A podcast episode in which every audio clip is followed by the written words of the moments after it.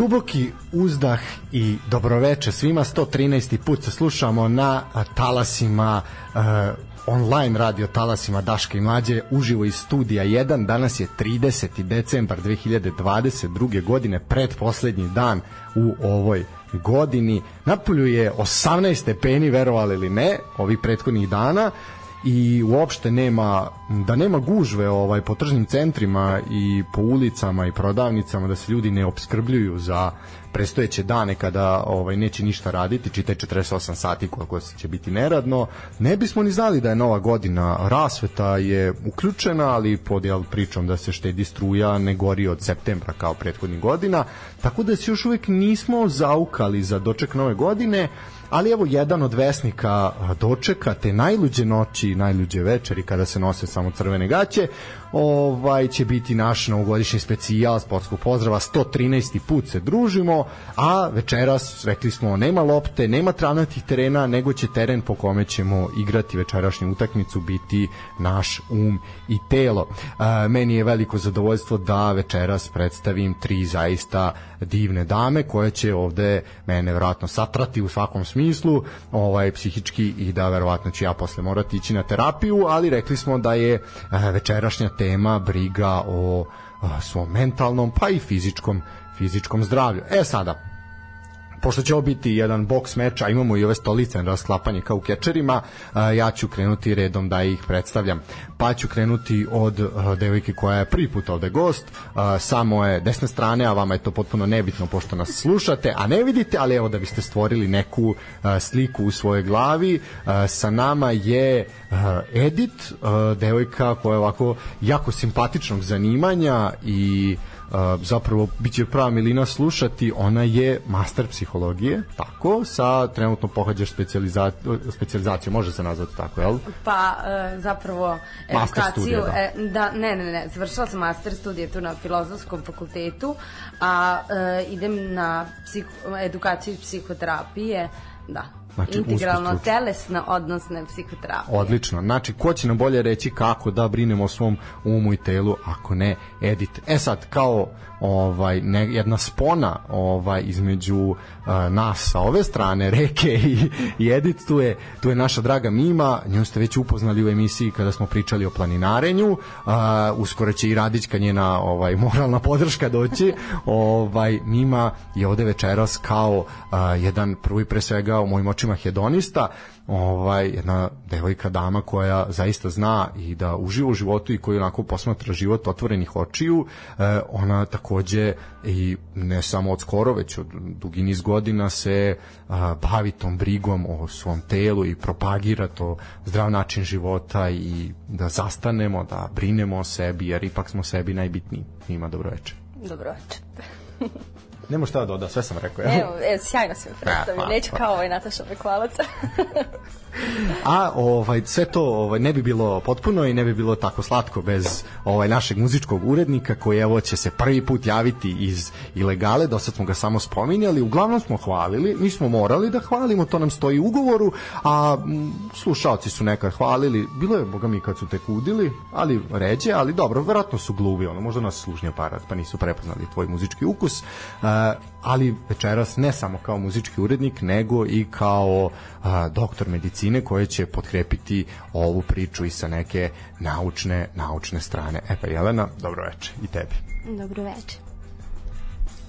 E pa, drage moje, Uh, možemo, možemo onda početi prvo polako, ajde da se Edit prvo predstavi, ovaj u smislu uh, šta je to balkanska terapija i šta se ona obuhvata, kako to izgleda, šta znači odnos ovaj duha i tela i Krista kralja i duha svetoga. Ovaj šta to znači za nas obične smrtnike? Evo pojasni nam molim te. Aha dobro. Pa, um, kao, kao što si ti krenuo, a uvek postoje onako glavna komplikacija zapravo razlika između psihologa, psihoterapeuta i psihijatra. Mislim da je to možda jedna od najvažnijih informacija.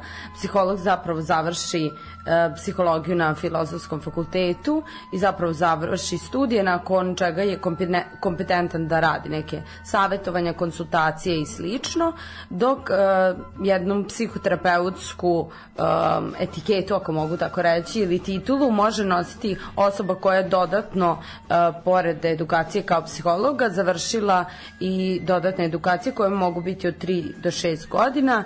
Ja idem na jednu edukaciju koja traje 6 godina u okviru IPD centra, trenutno sam na trećoj i već radim zapravo sa klijentima uh, na temu zapravo integralne telesno-odnosne psihoterapije eto tako ukra, ukratko, a psihijatar može, može ova koleginica i, i muzički urednik da zapravo više kaže šta psihijatri rade. Ajde, molim te, preuzmi onda. Psihijatar je lekar koji se bavi lečenjem poremećaja, ne bavi se samo prevencijom, već u stvari se bavi lečenjem. Često se koristi kombinacija i medikacije i psihoterapije u psihijatriji, tako da, eto, to je nešto ukratko ja bih uvek savjetovala da a, ljudi koji nemaju problem nego prosto žele da razgovaraju sa nekim idu na terapiju, to će Edit mnogo bolje od mene znati da vam objasni zašto i kad je pravo vreme krenuti na terapiju ali mislim da je kod nas i dalje terapija nešto što je tabu, nešto što um, ideš kad nisi ok, kad nisi mentalno zdrav i volela bih jako da, da razgovaramo o tome i da taj mit srušimo, da pokušamo bar. Pa vidi, ako uspemo makar jednu osobu da ovaj da makar jednoj osobi srušimo taj taj tabu, mislim da smo i te kako uspeli u svemu tome. A nažalost, da, i ne samo to je tabu, mnoge stvari su tabu u našem društvu, ali to samo pokazuje gde smo i šta smo, ovaj koliko zapravo je negde naš način razmišljanja zaostao zapravo za ne samo svetom, nego za planetom. Ovaj, ali dobro.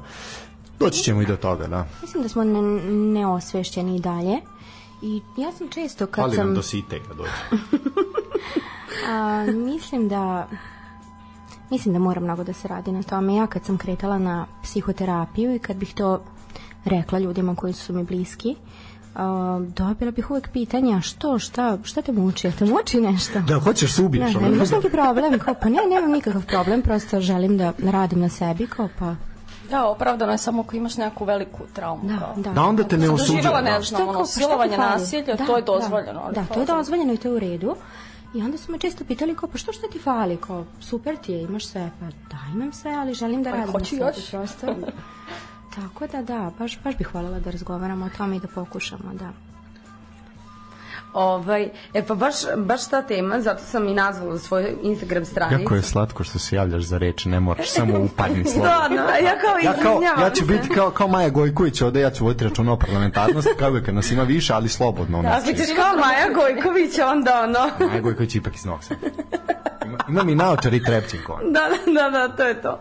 Ovaj, zato sam ja nazvala zapravo svoju Instagram stranicu, a i na TikToku sam, ovaj, e, balkanska terapija, dobro, ne moraš baš toliko prevrtati očima, ovaj, zato, što, zato što mislim da nekako mi bar na Balkanu imamo e, slične, slične tematike i slične probleme, e, koje se zapravo nastaju vrlo često iz naših balkanskih porodica, iz naših balki, balkanskog načina razmišljanja i nekog balkanskog odgoja. Tako Da, da, da. mislim da nije niko lišen. To su ono geografske traume, svako podneblje ima. traume, pa da, da, da, da. svako podneblje ima neke svoje ovaj, probleme na kojima mora da radi. Je, jeste, za, mislim, nekako rođena sam na Balkanu, pa se Pa više da, bavim time. da, da, da, što je ono- sjajno. Da, da, Da. da, ali svi imamo to. Šta je sjajno, što, rođeni, što smo rođeni na Balkanu? Ne, ne, što se bavi Što su nas tukli, ono, kada, kada nešto pogrešimo, tuku te, razumeš?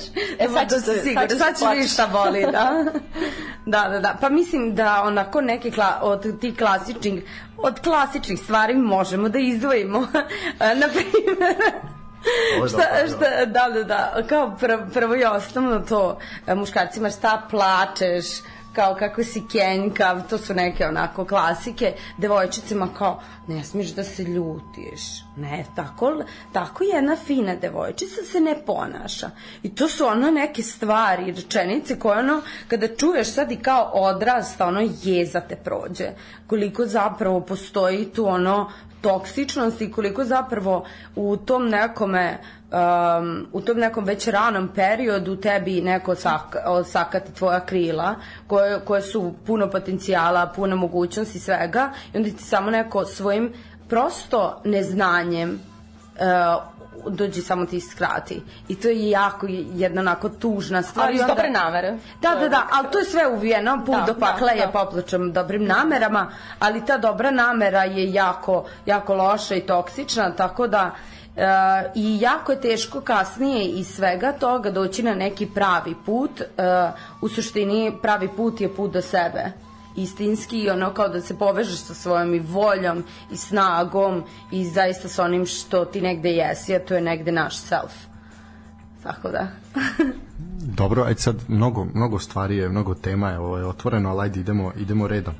Ovaj, kako je zapravo čovek, šta su, da kažem, neki znaci ili uh, šta je neka indikacija da zapravo čovek sta, zastane na trenutak i kaže, ok, meni je sad potrebna pomoć. Kako, šta, kako čovek da, ako sad neko, ovo zašto ovo pitam, zato što možda neko sluša ko, ok, možda prolazi kroz težak period ili mu se nešto dešava ili sad ne- nebitni su razlozi, ovaj, onda kaže da znači, e, pa ja se nalazim tu, kako je, znači ja sam u pravom momentu da, da se obratim nekome za pomoć. Šta je to što treba da prepoznamo u sebi, u svom ponašanju da kažemo, ok, sad si zreo da se javiš nekome?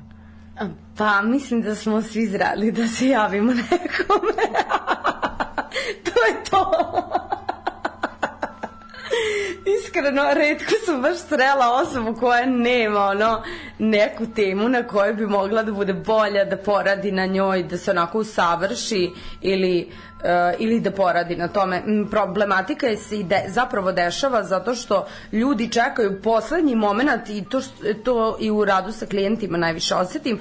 Znači kada počne goreti šuma, pakao, znači kad se prospe po šumi ona nafta i zapali neko i onda kao sve gori i onda kao dolaze, ok, sve ok, ali imamo sada sto problema. Da si ti došao na vreme, a vreme je moment kada vidiš Da, imaš neku problematiku i tu najčešće ljudi premeću probe- problematika u ljudskim odnosima, problematika sa svetom, problematika sa samim sobom. To su neke osnovne teme gde ljudi dolaze zapravo da pitaju e, i zapravo da se raspitaju. Ali o, većina ljudi toliko čeka taj moment zato što kao ja nisam ja slabić da ja odlazim na psihoterapiju, kao šta ja tu imam nešto da, da govorim, samo slabići, a to je to opet taj balkanski duh, kao samo slabići idu na psihoterapiju i bave se time, a to zapravo uopšte nije, uopšte nije poenta da si slab i jak, nego baš je to... Uh, Mo, morat ću sada upo, upotrebiti nešto što je zapravo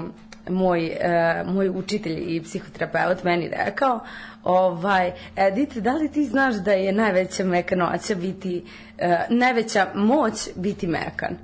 I to je mene onako čovek koji je uradio toliko stvari, otvorio centre u svetu, na Balkanu, baš onako stvarno jedan lik koji je uradio mnoge stvari i, i koji mi dolazi i govori mi kao najveća moć biti mekan. I ja koja ostanem i kao da.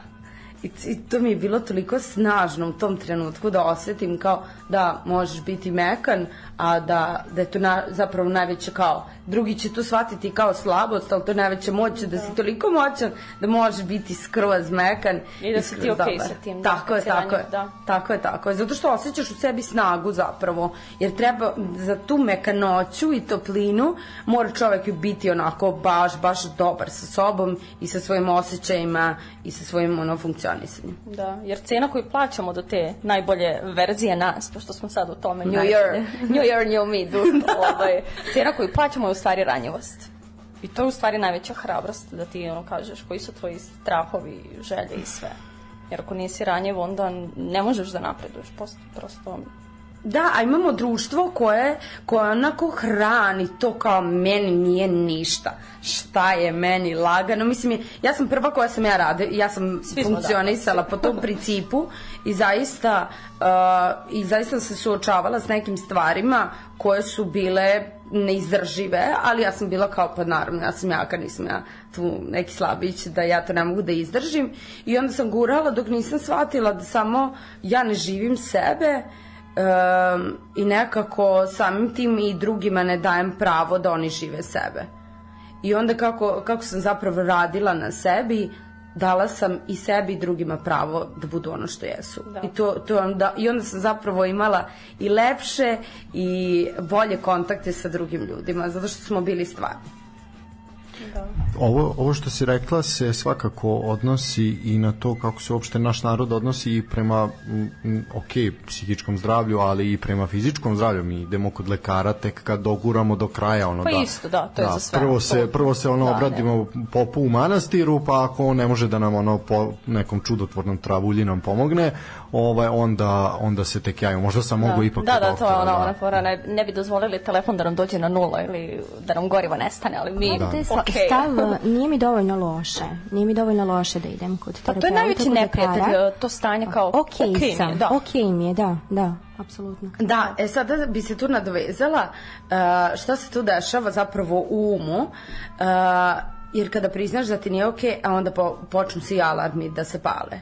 Znači, jer izbegavanjem suočavanja sa nekom situacijom, uh, kao praviš se da zapravo se ništa ne dešava i ako gori. I to je onako jedno psihološko preživljavanje ljudima, da je sve okej. Okay ništa se ne dešava. To je kao vrlo često i kod nasilja, sad ću ići i dalje, ono nasilje u porodici, kao ne, mi smo sve okej, okay, a gori, gori sve. U prevodu guranje po tepih. Tako je, klasično jedno balkansko guranje po tepih. I prilagođavanje u stvari.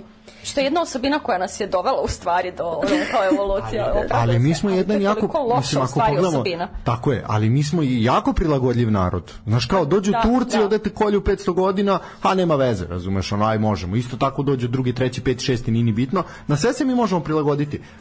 Poskupljenje struje, mi ćemo se prilagoditi. Nema mleka, pa ok, mi ćemo se prilagoditi. Pravimo. Znaš, onaj moment kad ljudi počnu da prave, da, da izlače recepte za stvari za koje ne treba da postoje recepti, da, razumeš? E onda je tu, naš kako napraviti ananas. E, to, je, to je problem, naš. Tu... I staviti ga u brenene čarape. da, ono, naš, pravi, ono, sipajte tikvicu, naš i emulziju soka i malo ostavite u frižderu i napravili ste ananas. E, tu, tu malo pronaš, ali to nije problem, nego ćemo se da mi snađi. Da. A ne, vidi, ja verujem da mi propadamo rapidno. Umrle su i veće civilizacije, pa da. će nestati ovo naš, ako se može nazvati civilizacijom.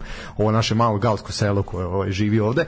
Tako da, sve u svemu, ajde sad još jedna stvar. Ok, uh, imamo nažalost tu situaciju da se uh, ljudi, mladi ljudi, jel, mada, da li sad iz vaše, iz vaše neke da kažemo prakse, da li mislite da sad mladi ljudi se lakše okreću, okreću za pomoć nego što to su činili na primjer naše, ajde mi sebe smatramo mladim ljudima, tom generacijom mladih ljudi ili recimo nego što su to činile generacije iznad nas, recimo naših roditelja i tako. Definitivno. Ali mi smo više sad okrenuti toj individualizaciji ono kao odvojili smo se od svih, hoću ja da postanem neko i nešto, ta najbolja verzija mene i onda shvatim da ne mogu da plivam sam. Treba mi pomoć. To je to.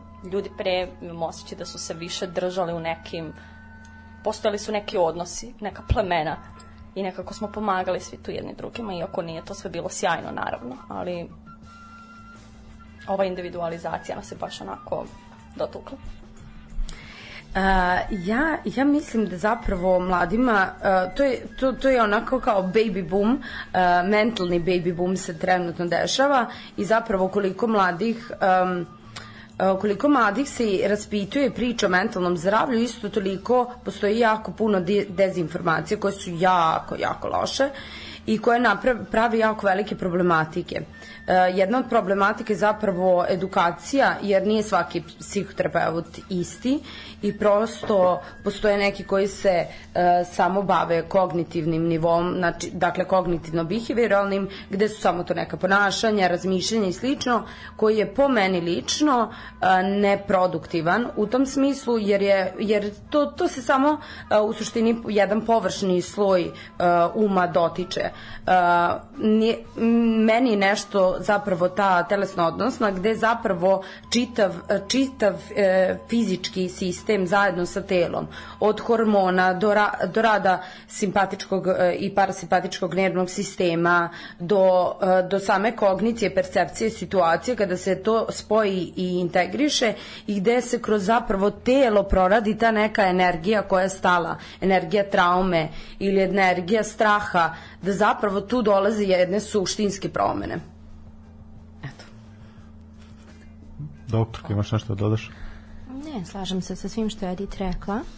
A, nešto što sam ja primetila u radu sa mojim pacijentima i prijateljima je da mladi danas ne znaju da regulišu autonomni nervni sistem. Ne znam da li si se susretala sa tim. Uh -huh.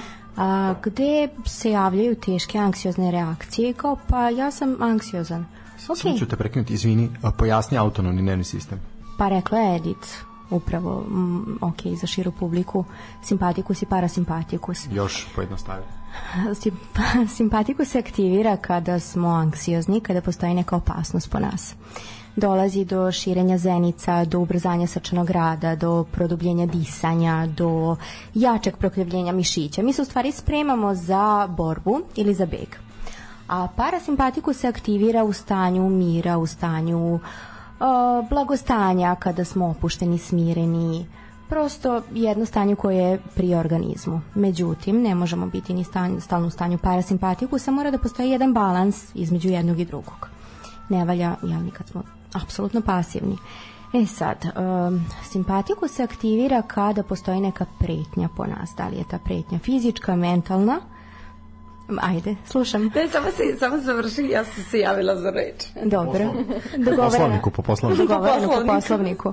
I prosto on se aktivira i dođe do, do ubrzanja srčanog rada, do, do disanja koje je brže, pliće, koje je e, nama neprijatno, može da dovede do mm, do vrtenja u glavi, do raznih nekih neprijatnih fizičkih i psihičkih senzacija i onda se ljudi izgube kad se to desi umesto da zastanu, da osveste to što osjećaju i da prosto to prihvate kao takvo, kao ok, aktivirao mi se simpatikus, zašto? Šta ga je aktiviralo? I šta ja mogu da uradim da ga smirim?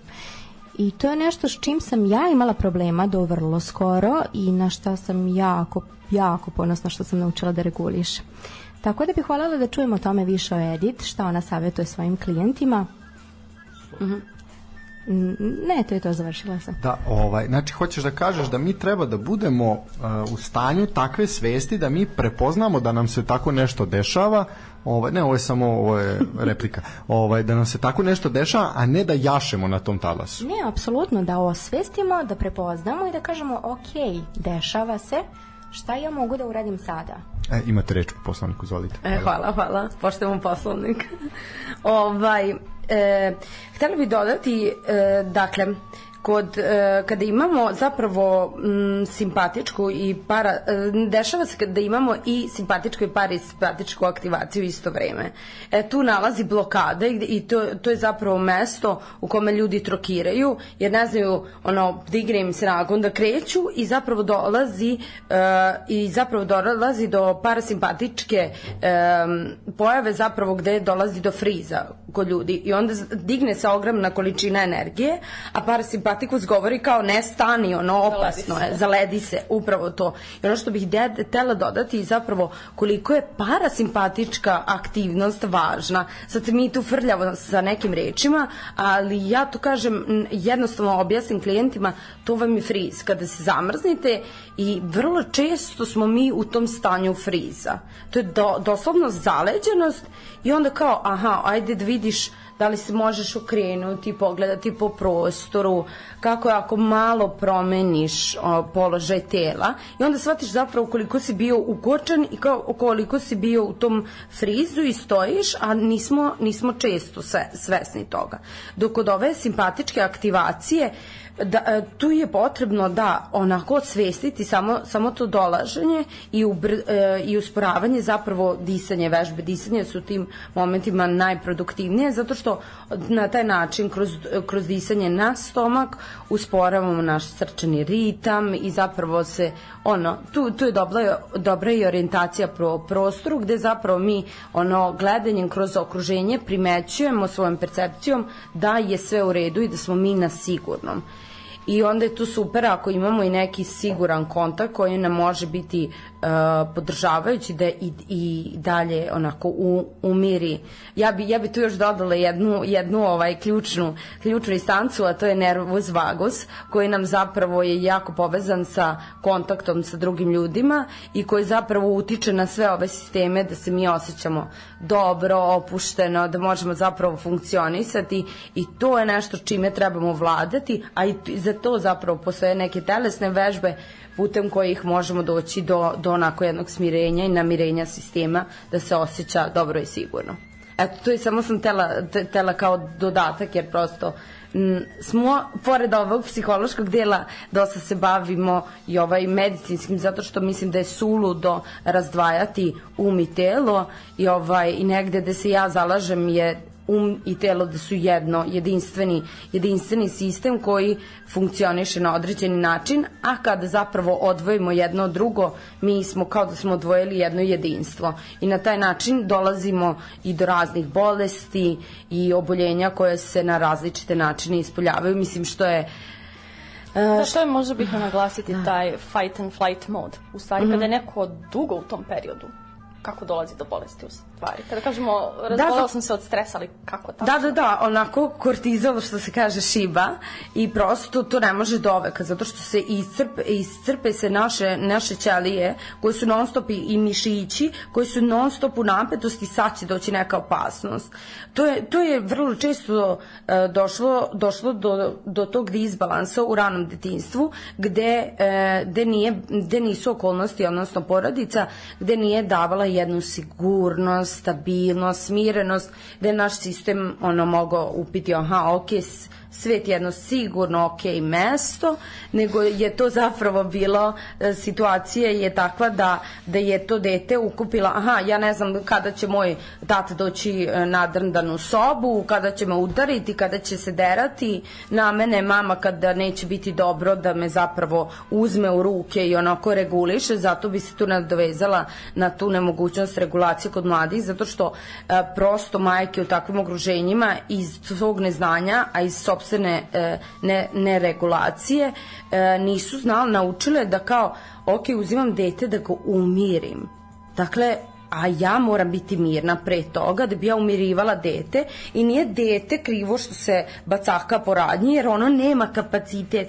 Fizički njegov mozak nije došao do tog stadijuma da razume da nije ok ne znam udariti drugo dete jer je na primjer u drugoj godini ili da ne može da dobije nešto jer ne, ne poznaje koncept novca imanja nemanja ali samo taj moment kao aha kao vidim plačeš vidim da si tužan što sad ne možeš to dobiti. A dođi, ja ću te umiriti, iako sam ja isti taj koji ti ne dajem to, ali ono kao dođi, ja ću biti tu za tebe. Da, sasvim je okej da osjećaš to u stvari. Tako je, da, da, da. Mi smo i- odrasli sa tim da nije okej da mi osjećamo neke Upravo. emocije. Tako je, ta, kao nije, ne možeš se tako, kao. I onda jedan širok dijapazon zapravo osjećanja koje su normalne, urađene, mi blokiramo i onda nas one počnu jesti. I to je jedan od momenta e, od ljutnje, besa, e, ono, neispoljavanje sobstvene volje, to se taloži, taloži godinama u našem sistemu, organima, ćelijama i onda se pitamo, ja, kako sam se ja razboleo odjednom. Ne, to nikad nije bilo odjednom. Tu se To je taložila. proces koji traje, da. Tako je, godinama i godinama, a ne postoji ta neka lep kontakt i regulacija. Dakle, da postoji taj osjećaj, ono kao, aha, sad je, sad je sve okej. Dobro, okej, okay, sad, izvini, ajde. Ništa, htela sam samo da se nadovežem na to što je Edith rekla, da se kod devojčica često bez u kasnijim adolescentnim godinama manifestuje kao anksioznost jer im nije bilo dozvoljeno da budu ljute i nije prosto ta emocija bila validirana od strane roditelja. I pasivna agresija. Tako je, tako je pasivna agresija i anksioznost. A kod dečaka se recimo tuga manifestuje kao bes, kao nekontrolisani bes.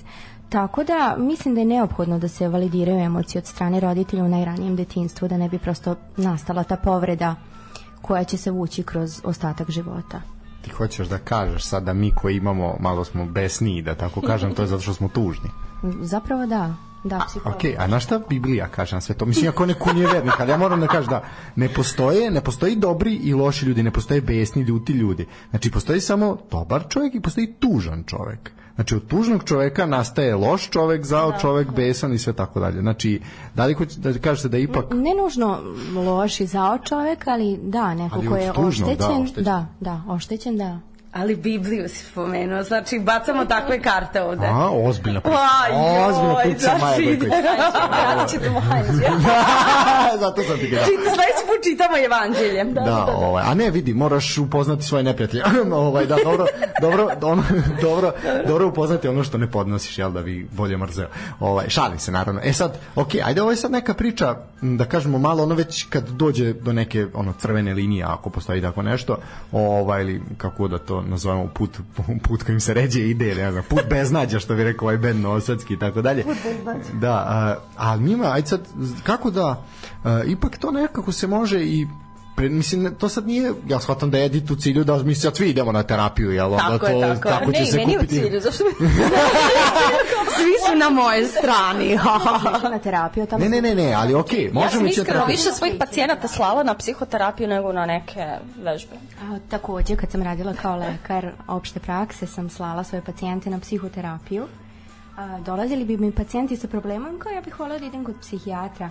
Ja sam uvek predlagala da pre medikacije pokušamo sa terapijom, tako da mislim da nam je s- svem trima u cilju da da se ljudi osveste i krenu na Pa psihoterapiju. je baš ovo što sam spomenula, taj fight and flight mod, kada smo Da. dugo u tom stresnom uh, osjećaju mi, uh, telo ne može da se bavi nekim perifernim delovima tela. Ono je usredsređeno da preživi.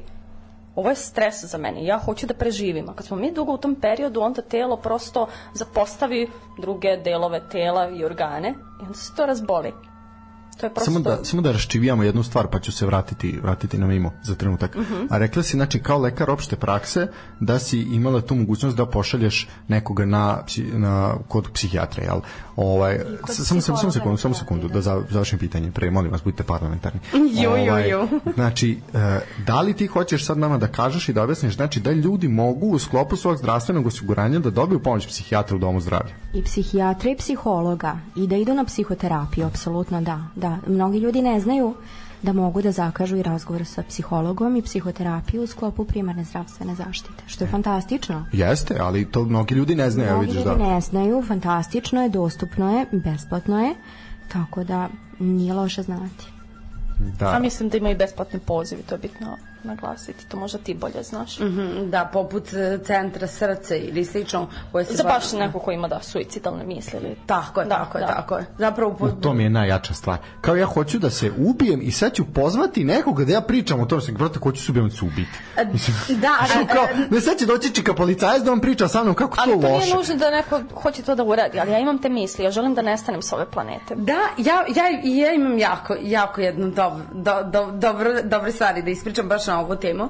Prvo, postoji, ako imaš želju da se ubiješ, postoji određeni, a ja sam sve on the edge teme volim, a, ako želiš zapravo da se ubiješ, postoji jedan deo tebe koji to ne želi i koji taj deo, dok god postoji taj deo, ti se nećeš ubiti. Dakle, kada već pozivaš nekoga na telefon, to znači da ima deo tebe koji je svestan da to ne bi trebao da uradiš. I zato, zato u suštini postoje ti pozivi i zapravo šta tada osoba traži? Kontakt. To ono što sam rekla, to ono što smo mi trebali u detinstvu da imamo, puno namirujuće kontakta, da nam je to normalno i da zapravo imamo te fine, lepe odnose na koje Pa se da, to je ono što sam rekla, mi smo sad...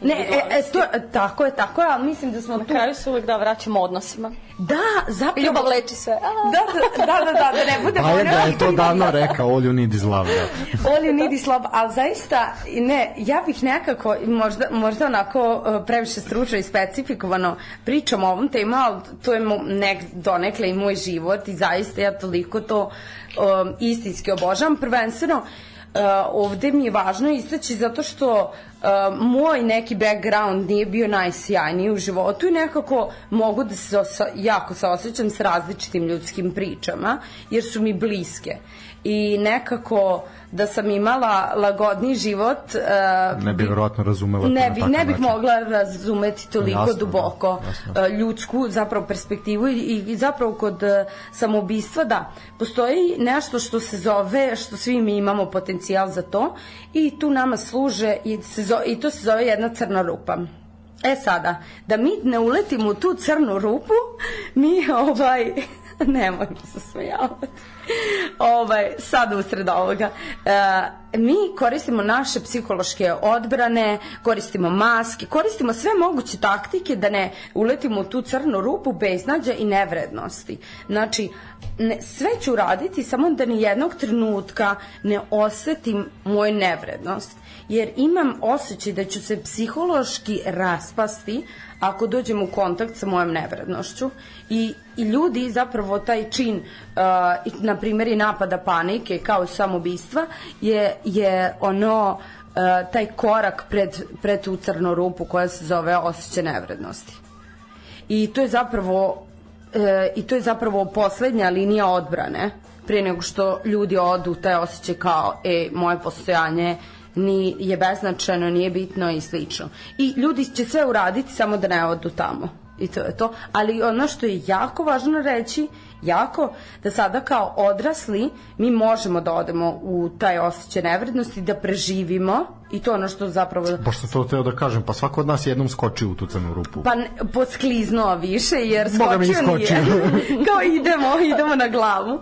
Ali zaista je to taj moment da, da u tim trenucima, pored vas uh, i u tom procesu, pored vas bude terapeut koji je siguran, stabilan, miran i koji će vam držati prostor da se ne ne dezintegrišete psihološki, nego da zaista, ok, izridate i isplačete i da prođe ta energija i da zapravo stanete na nogi i kažete, aha, ovo, ovo nije stvarnost.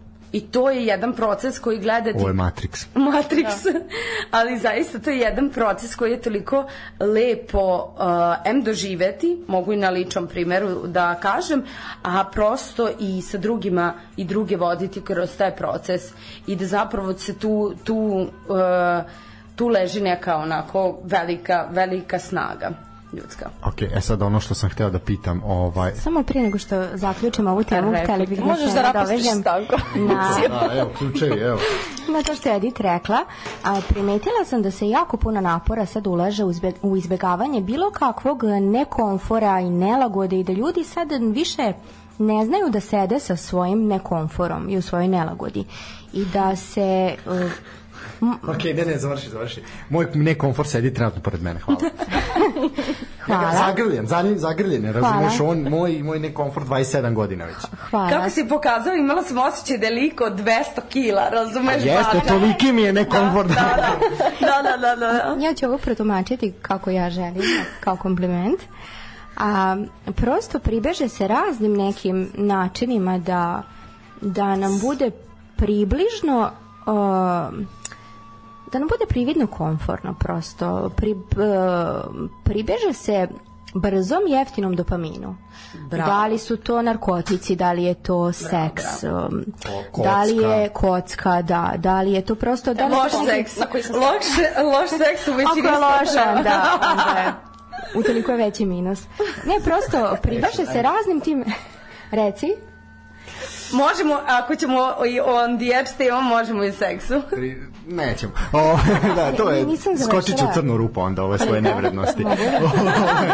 Samo sekundu. E, da, okej. Okay, ne, ne, još... radi se, ne radi se na sebi, uh, pribeže se tim nekim jeftinim, brzim zadovoljstvima, okay, brzim dopaminu. ali ljudi ceo život žive unut, za, ne izlazeći svoje komfortne zone, radeći posao koji ih ne čini srećen. Znači, okej, okay, ćuti, dobro mi je tu, naš, nema okay, možda ono što bih želeo, okej okay, mi je. Okej mi je, da, nema možda ono što bih želeo, ali opet može biti mnogo gore, ono mogu da lete granate otprilike. Znaš kao, i onda kao naš ceo život neću mrdnuti, nego ću imati da. to što mi je sigurica, neću napraviti taj korak, Jer korak napred. Ono što je nama najbitnije to je da se uvek osjećamo sigurno. A to mi daje osjećaj sigurnosti. Tako je, izlazak iz komfort zone. To je prezentovano da ti se osjećaš sigurno ako radiš taj posao. Nemoj da, da, siguran posao, da. siguran posao. I onda da ti da cena za to je tvoja radost, otprilike ulaznica da, a, a nisam, ja nisam mislila na to kad sam mm, ovo rekla.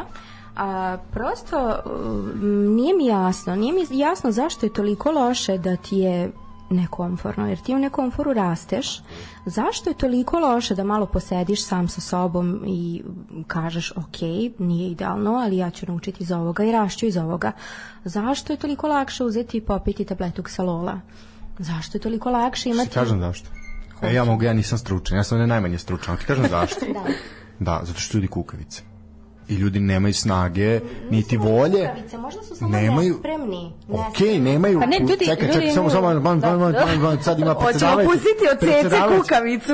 Ja samo to čekam. predsjeda, ne može zabraniti vas. Predse, predsjedavajući ima ovaj predsjedavajući ima reč. Znači ovako, ljudi nemaju volje, snage, hrabrosti, znanja i veštine da bi se sa tim susreli. I zato ostaju tu gde su. Široko dostupno. To nije više izgovor. To je bio izgovor Ali pet- nekada. pet stvari. Sada, sada, kada postoji toliko podcasta, toliko literature, neznanje više nije izgovor. Ali ne to je neki- sportski pozdrav, tu ćete sve čuti što treba. Ali to je neki strah u stvari, da ja ako uđem u stanje neke loše emocije, to će da traje zauvek.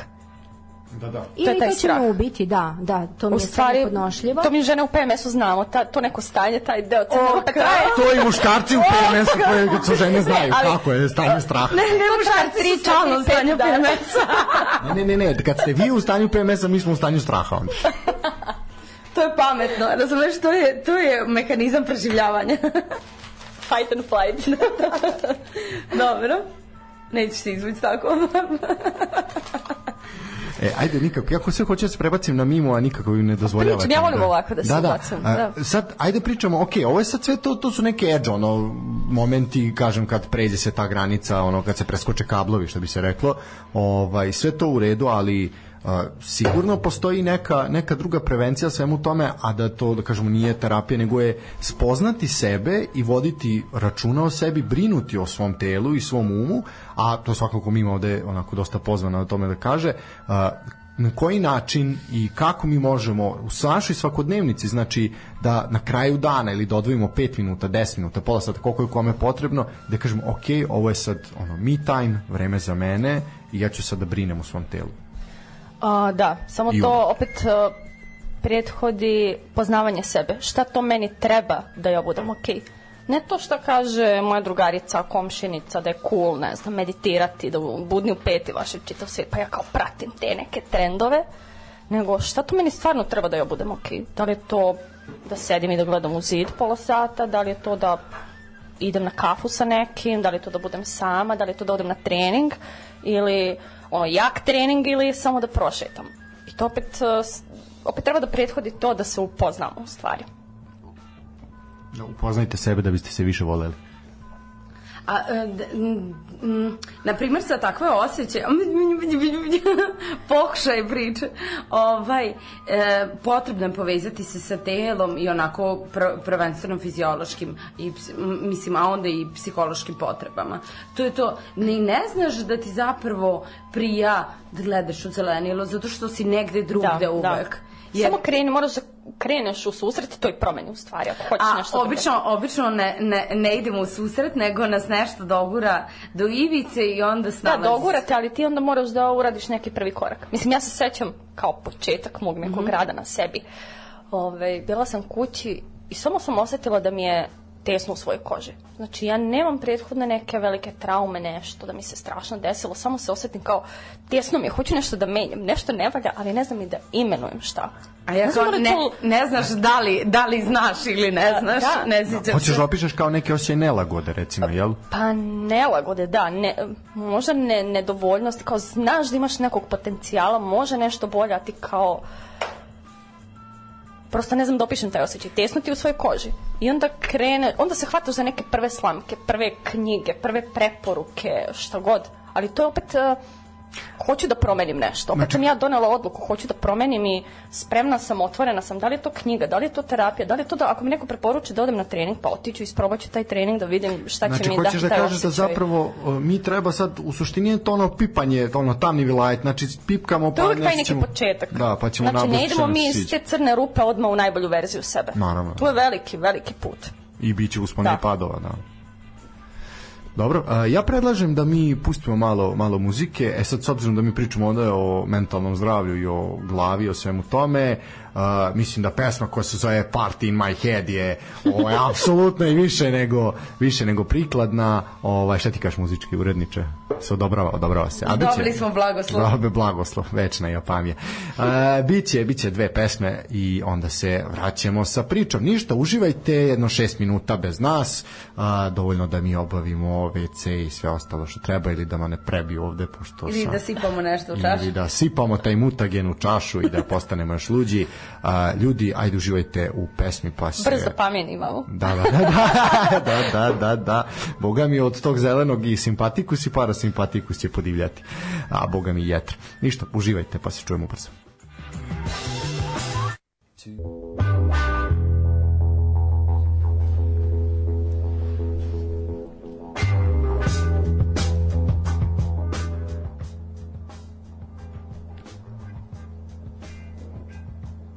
E, evo nas nazad. E, dakle, slušali smo, bio je to Johnny Cash, a pre njega je bila Part in My Head, Pain, e, eto jedna zanimljiva, zanimljiva pesma. Ima još nekoliko takvih pesama ovaj, sa sličnom tematikom evo, koje, koje danas pričamo.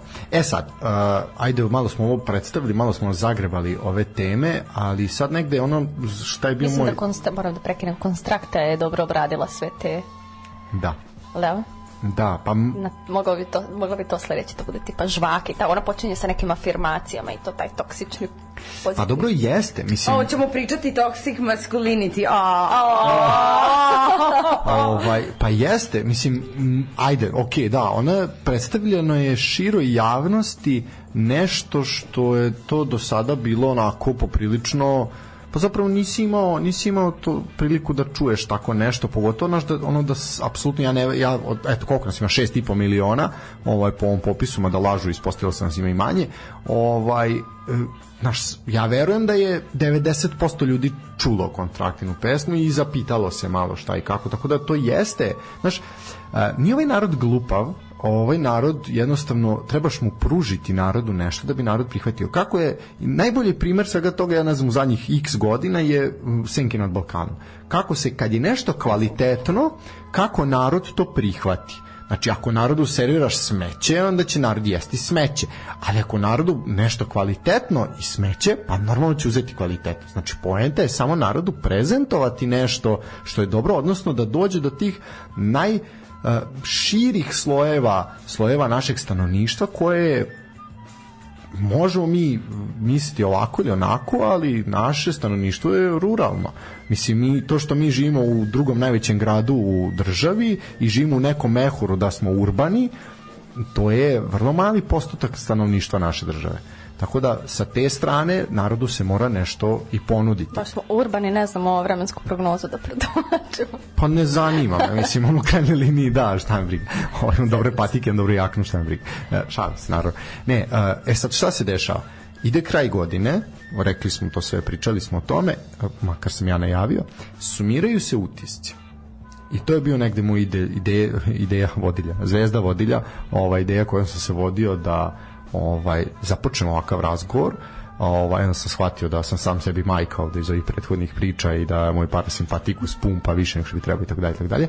Uh, elem, odlači se crta prošla je godina, 12 meseci, taj jedan ciklus ovaj koji se jel, repetitivni. Uh, ljudi su sad u euforiji prazničo i sve to, mada ja to zaista ne shvatam, evo sad ćete vi kao možda učeni meni to objasniti, ja ne volim novu godinu, ne radujem se novoj godini, ali ne volim da se radujem nečemu što ne znam šta će mi doneti, razumeš, ok, sad tu kao nešto slavimo, ne znam šta slavim, ovaj, sumiramo svi utiske. Svako je ovih dana u svojoj glavi dok gleda sam u kući prvi, drugi, treći deo ili Supermana kako se bori protiv onog ćelavog, ovaj, sumira utiske i kaže, e, ove godine sam ovo dobro uradio, ove godine sam imao te i te zadatke, prepreke, neke sam savladao, neke nisam savladao, možda sam ovo mogu i bolje, uglavnom to bude, a trebao sam bolje tada ili trebao sam tad to reći, a nisam rekao, Ovaj, I sad, ok, ajde, to je gotovo. Sad ću ja od 1. januara na dijetu, sad ću ja od 1. januara na trening, sad ću ja od 1. januara da čitam, bit ću dobar drug, pomagati svojim drugarima, bit ću dobar, ma, mamu ću poljubiti svaki put, jer možda ostanem bez mame i tako dalje i tako dalje. Znači, e, koliko smo zapravo strogi prema sebi kad podlačimo i kakvi smo prema sebi i kakve sebi ciljeve zadajemo u nekom, u nekom narednom vremenskom periodu loptica je na vašoj strani terena. Ja da preko puta. Ovaj, pr prvenstveno bih htjela reći za ovaj pesmu ovaj, You're My Sunshine, koliko me onako e, duboko pogodila i onako raznežila, pa sam sad u nekom ekanom skroz fazonu. A, a kada smo kod nekih odluka, ovaj, Pa zavisi kako koga. Neko će imati nerealistične ciljeve i neće nikad biti zadovoljan sa onim što radi. Uh, koliko je postigao, koliko nije, a neko nije ni postavio ciljeve. I ne postavlja ciljeve zato što i tu većina nas radi za različite stvari jer aha ako opet idemo na onu crnu rupu nevrednosti ako ne postignem sve što sam isplanirao ja ću se osjećati kao aha nisam postigao to. A možda sam postigao skroz nešto drugo ali samo to taj moment da nešto nije u redu sa mnom, mhm. jer ja nisam strah od, postigao. Strah od uh, neuspeha, da? Da, da, ali taj strah od neuspeha ima duboko, povezano duboko osjećaj nevrednosti. Da. I uvek se vraćamo na te bazične e, psihološke potrebe i to je važno, ta prva, osnovna je zapravo za sigurnošću, da. to, je, to je taj neki prvi susret sa ma, majkom i e, naši prvi meseci, e, zapravo emocionalnost i kontakt, i to je ta regulacija, upijanje naših svih osjećanja i slično. I zapravo ne, negde gde je očinska uloga jako važna, a to je prihvaćenost i viđenost i jako je puno ljudi greše zapravo kada kaže koliko a, da otac nije bitan u odgoju dece, a on je i tekako a, bitan. Ne znam za... ko je to rekao da nije bitan. da, da, pa ne, nego se ljudi da, ponašaju, da, da, da. ponašaju se tako i da. često očevi se nekako izlače iz te uh, očinske uloge koja je jako bitna za psihološki razvoj deteta. Tako da, a što se tiče odluka, Uh, mislim da, da svake godine se dobija ta neka energija da kao eto svi zajedno idemo u nešto novo i da možda se dolazi taj moment kao uh, nisam sam u ovome nego i drugi lja, ru, ljudi rade neke, neke zapravo nove stvari i slično. Jer ne, ne bih mogla uh, to je situacija gde ne mogu da govorim u ime svih ljudi i gde svako ima neku svoju pozadinsku priču i neko svoje mesto iz kog ide zašto nešto radi i kojem je zapravo zapravo ne, donekli cilj. Da, to je ta euforija u decembru svi pravimo planove i ciljeve. U stvari, baš zato sam i napravila ona pitanja, samo refleksija, jer bitno je da ti svaki dan, svakog meseca, maj, jun, jul, avgust, radiš samo refleksiju i o, gledaš šta si postigao, šta možeš bolje, a ne samo u decembru, decembar, januar, to je taj neki period kada, kada pravimo planove, sumiramo, da pokrećemo i zaustavljamo se, otprilike. Da, da. A, mm, često, često, često je važno, e, mislim da jako ljudi se opterećuju oko tih uspeha e, i kao ja postigao sam ovo, otišao sam uradio ovo ili tako nešto što je vrlo često pipljivo. Meni je e, negde gde se ja lično, lično fokusiram, meni najveći uspeh to ono što sam pričala malo pre, moja meknoća da sam mekanija u kontakti sa ljudima. Meni je to najveći, imam ja puno stvari koje sam ja odradila da ja sada mogu i reći ja sam ovo i ja sam ono. A to znači autentično si u stvari. To je to. Da, da, Za meni je to, da, zato što Jer meni... svi smo mi uh, mekani, ako Jeste. ćemo iskreno. Pa, e, pa da, ali onako uroniti u tu mekanoću i plivati u njoj, a ne onako daviti se. E, pa to je rad na sebi. E, tako, Ž, tako. Šta je cilj u stvari? Čemu težimo? Evo, svi kao radimo na sebi, ali čemu težiš? Kom self, kojoj slici? mislim, mislim kontaktu sa, so, sa našim selfom. Da ti kažem, na dakle. kraju dana ono što želimo svi da se povežemo sa sobom, da budemo ranjivi i mirni sa time. Što da, ali to je najstrašnija stvar na svetu, to ja mogu iz svog ličnog isto primjera da kažem da je to stvarno naj... E, mislim da je meni, kroz moj isto, pošto e, da postanete psihoterapeut morate, morate proći sami kroz taj proces, meni je bilo najteže na svetu da kažem da mi je teško. Ja to nisam mogla da izgovorim. Znači, kada je bilo kao, ajde sad kaži, Znači, to, to ona knedla u grlu i ne ide. Ja bih htela da kažem, ali prosto ne ide.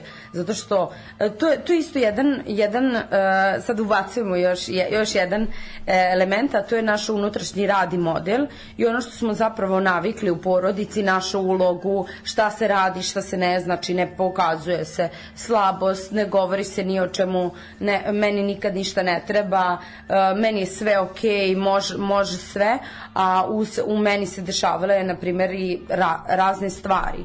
I na ovaj način hoću ono da, da, da i kroz svoj lični primer zapravo prikažem i što je isto važno za psihoterapeutsku poziciju je da je čovek i taj psihoterapeut je razlika između čoveka i koji dođe, odnosno klijenta koji dođe na psihoterapiju psihoterapeuta, što samo što je psihoterapeut mnogo dugo bio na psihoterapiji i zapravo izučavao e, ljudsku psihu i zapravo zna alate iz alate i tehnike kojima drugim ljudima može pomoći. I to je to. I zapravo dok čovek sam sebe ne isceli i dok ne, ne dođe kroz taj proces ne može u, u tome biti onako excellent. Kao, kao čovek zato što prosto taj moment da sami prođete kroz sve te procese i da se suočite s sobom i kažete da treba mi. Meni je bilo teško da kažem da treba mi drugo ljudsko biće i da treba mi nešto i treba mi neko da me zagrli kad mi je teško. To je meni bila nemoguća misija, na primer. Tako da put od toga do moje mekanoći je bilo jako teško, a neko je mnogo bliži toj mekanoći, ali ja sam bila u minus fazi. Meni su zvali onako uh, vrlo, uh, meni su zvali mini Hitler.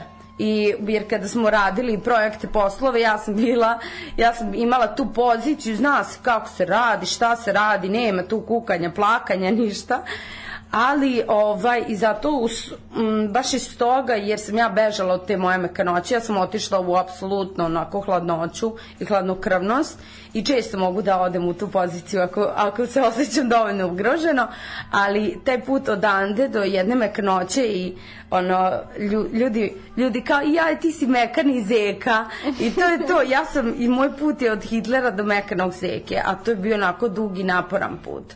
Jer nije lako ono živeti iz te uloge mekanog zeke. Da. da. Ovo je bio teaser za film Jojo Rabbit ko nije gledao nek pogleda.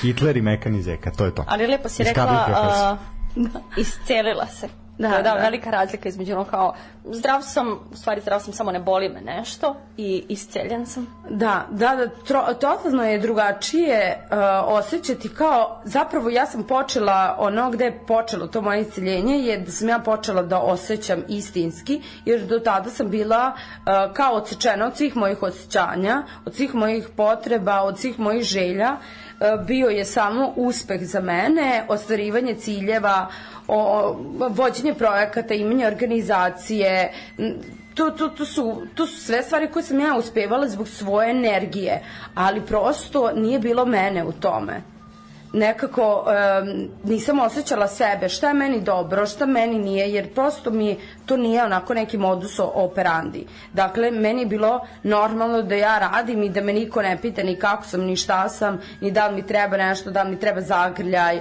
da li mi, da mi tebi razgovor i slično, to je meni bilo sasvim normalno da mene niko ne pita.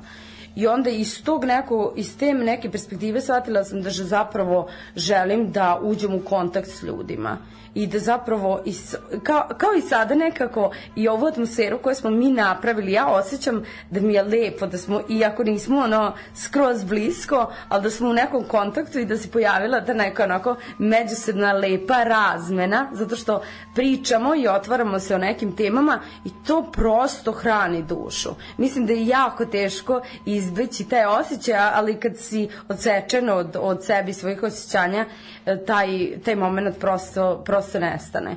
I ne mogu da kažem da mi nije lako kada je, kada je u pitanju neka ogromna emocija poput tuge ili nekih rastanaka i slično, bude mi teško, ali makar sada osjećam, onako baš uronim i osjećam da sam tužna, ali ima me u toj tuzi, tugi. ja kao mađar ne znam, ne znam ove padeže. Lepa naša srpska jezika. to je to, da, da, da. E, pričamo o svim jezicima naroda i narodnosti, ove naše lepe pokrajine, uskoro da. samostalne. Uh, da. Oho, pa o, ja, je, ja ništa ne govorim ovde. Da, da ne, vas ja ću Ovaj, ništa, Šajkaška 36, tamo se pronaći verovatno na razgovoru informativne prirode. Uh, Ne, uh, šalimo se naravno. Ok, uh, ali niste mi odgovorili na moje pitanje. Znači, o da sebi. Da presečemo sa Kevin pričom. Da, da, da, da. Uh, da, početak kolone, molim vas, vratimo se na početak. Znači, koliko smo strogi prema sebi kad podlačimo crtu koliko smo bili uspešni, odnosno nismo bili uspešni i ovo smo mogli bolje, a ovo nismo mogli bolje, jer mnogo, mnogo ljudi kaže, e, tad sam u toj situaciji sam trebao to da kažem, zašto to nisam rekao tad i tako dalje. Pa ja mislim da smo najstrožiji kad se poredimo sa drugima. Aha, ja čak možda mislim da sam ja okej, okay, ali nisam okej okay kao ona. I tu tu sam najstrožija prema, mislim ne ja govorim. Da, da, primjer, jasno. Ne, ne, da. E sad- Ali tu sam najstrožija. Tako je, e sad pitanje odakle? Odakle to poređenje? A, pa želim da pripadam, želim da me društvo validira. Ako je Da, ali to poređenje, e, pripadnost je ono kao mi smo jedinstvo, ali poređenje je, to je nešto kao takmičenje zapravo. Takmičenje, da, Ali da, e, da. vrlo često to dolazi iz Jer, opet... pa to je opet, ja nisam dovoljna. Znači, meni treba to, I'm to not to good što enough, to je da, nešto što drugi imaju, ja to treba da imam da bi ja bila srećna. Znači, mi stalno ganjamo tu neku, tu neko stanje sreće.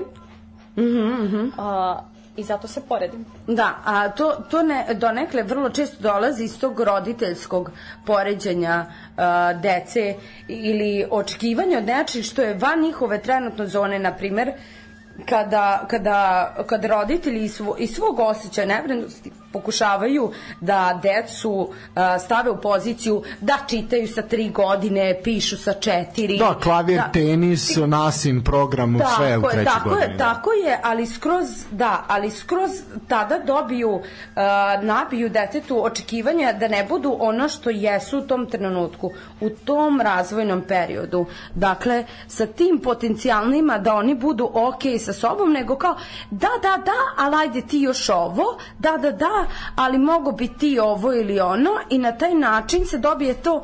Ili kao vidiš kako um, ne znam Milicina uh, ćerka vidiš kako ona može ovo a šta je s tobom i onda postaje tu kompet, uh, kompetitivnost a u suštini smatram da mi kao isti iskonska ljudska bića osim naravno što ima ima izuzetaka, zapravo jesmo za to ono, selo, zajednica i ne kaže se džabe da decu odgaja jedno čitavo pleme, ne samo dva roditelja ili jedan, nego zaista čitavo pleme koje, koje se okuplja i uči ga u čitavom tom procesu. Tako nastaju odrasli ljudi sa imposter sindromom, kao neko ko je odgajan baš na način koji si opisala malo pre. Nadam se da moji roditelji neće slušati ovo. A, kao Oni su neko- jedni divni ljudi.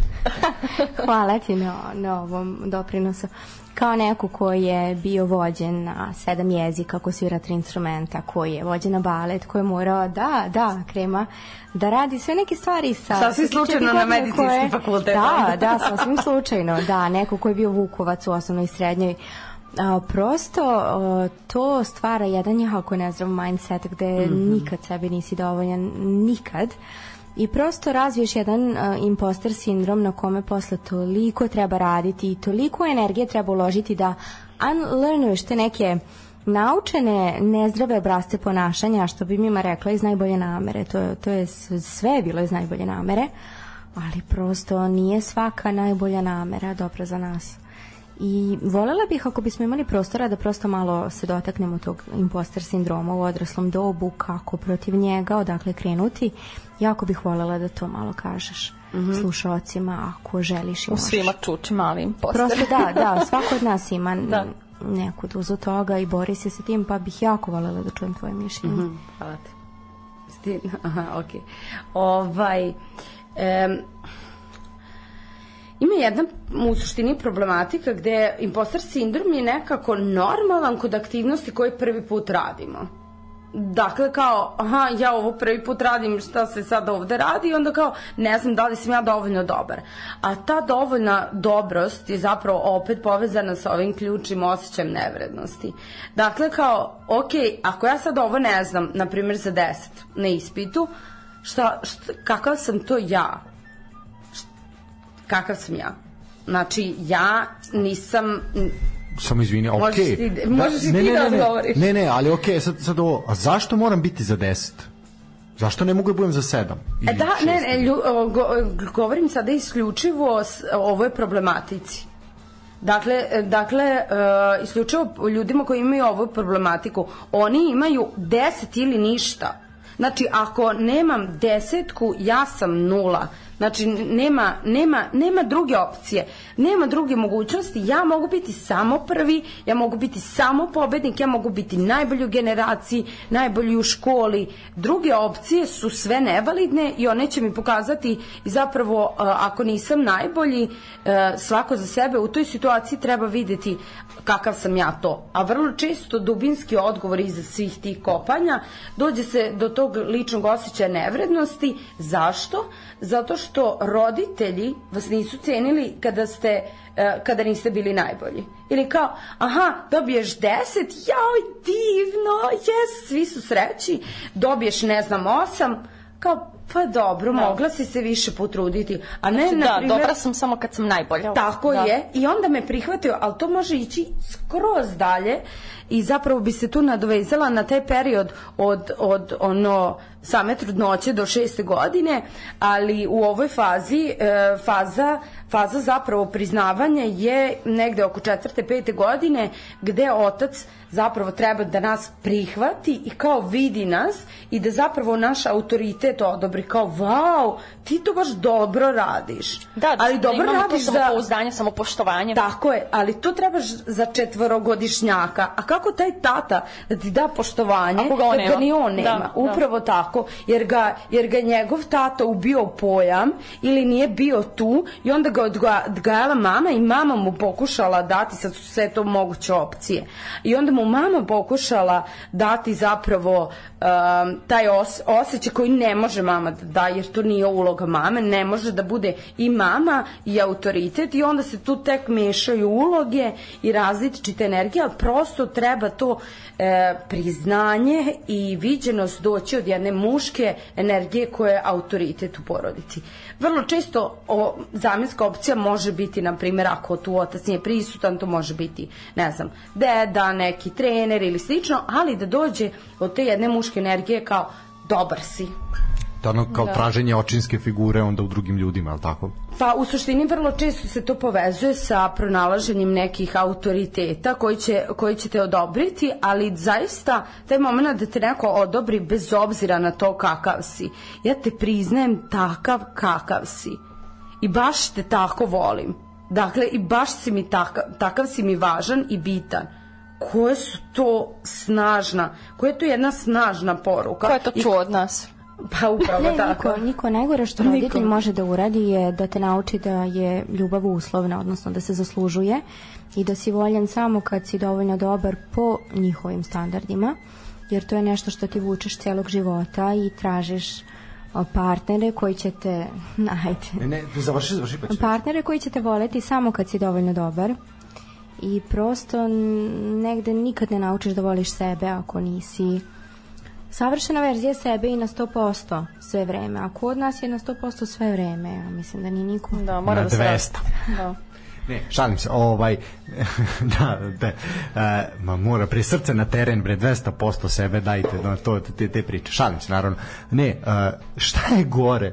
Da li je gore to što je ona sad rekla, znači uslovljavanje da moraš biti ono top, top, top, top, top, e, i biti zadovoljavati te neke ideale koje su tvoji roditelji postavili iz nekih njima bitnih razloga ovaj ili je gore kada nemaš nikakvu potvrdu pa je sve jedno bio najbolji bio prosjek ili bio ispod prosjeka opet je sve jedno nema nikakvu šta je gore od te dve opcije Mislim da se svodi na isto, dođe na isto. Nedostatak feedbacka i ta uslovna validacija, mislim da se svodi na isto, na kraju daju istu, isti produkat. Mislim, Edi će reći bolje, ali...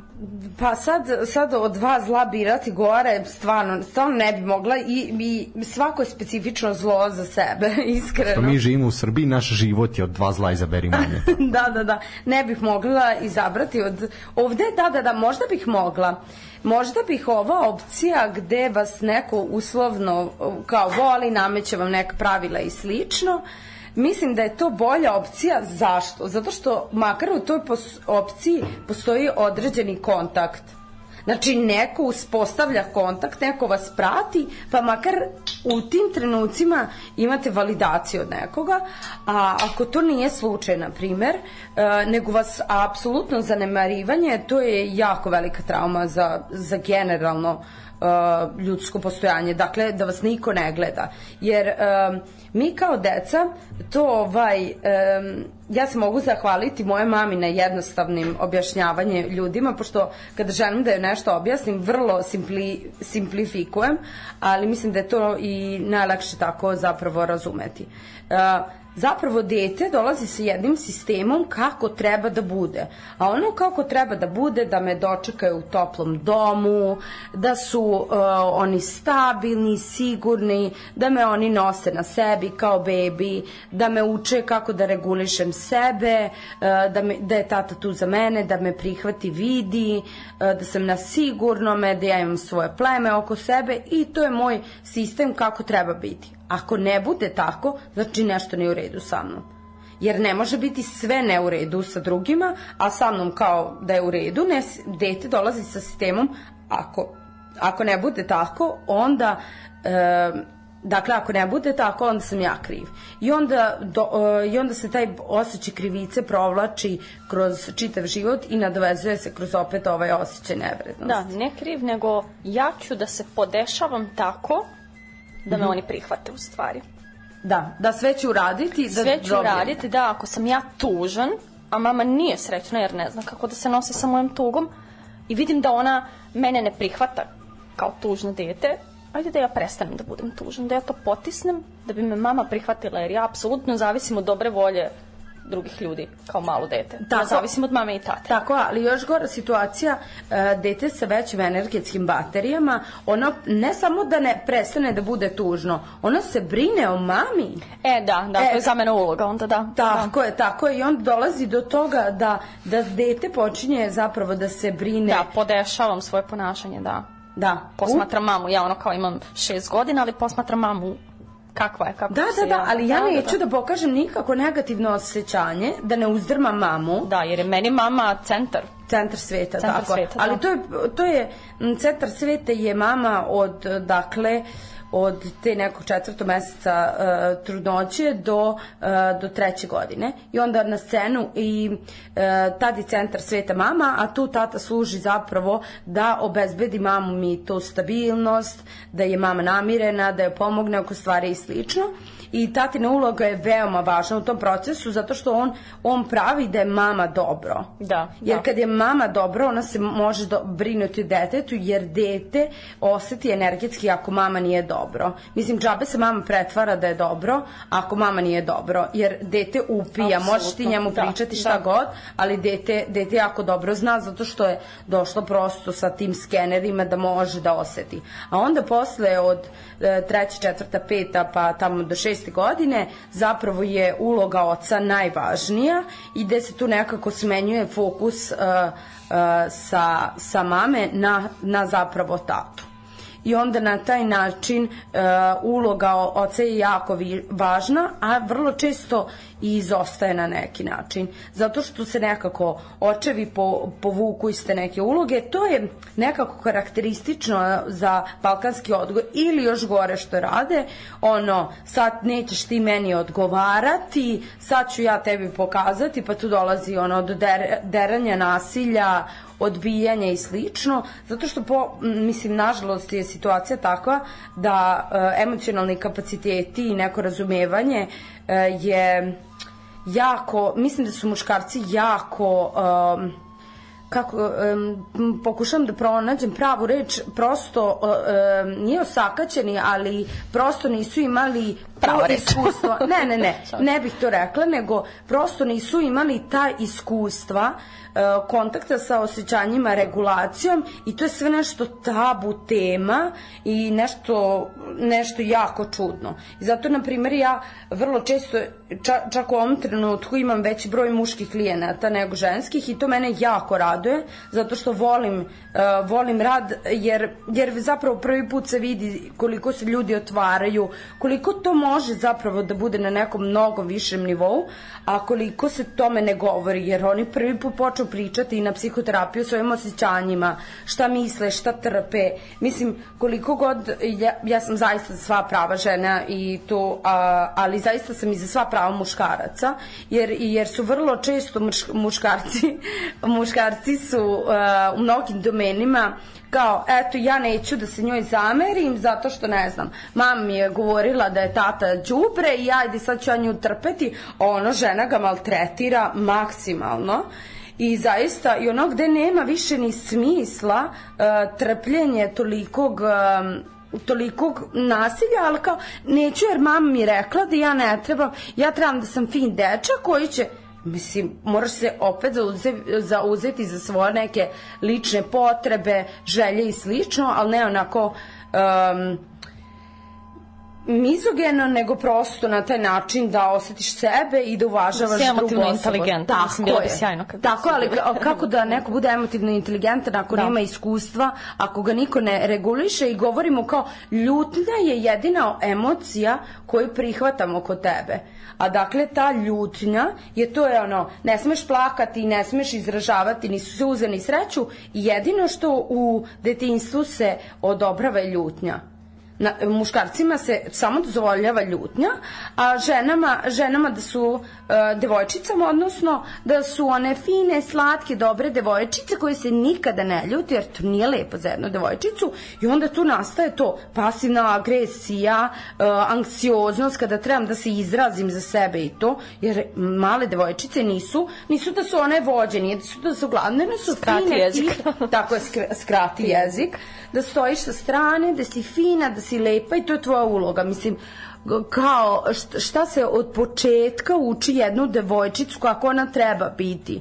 Mislim, mislim ja veram da mojim ljudi, mojim ovaj, isto roditeljima bilo isto jako strašno kada su imali devojčicu koja mora biti glavna, mora biti ono o, u centru, koja ide ono u šorcu, šorcu i majici valje po blatu, igra se sa dečacima futbala i sve to, ali nekako um, pošto imam, imala sam veće energetske baterije, mogla sam da se izborim za sebe, ali, na primer, mnogim, mnogim dvojčicama taj duh se ubije.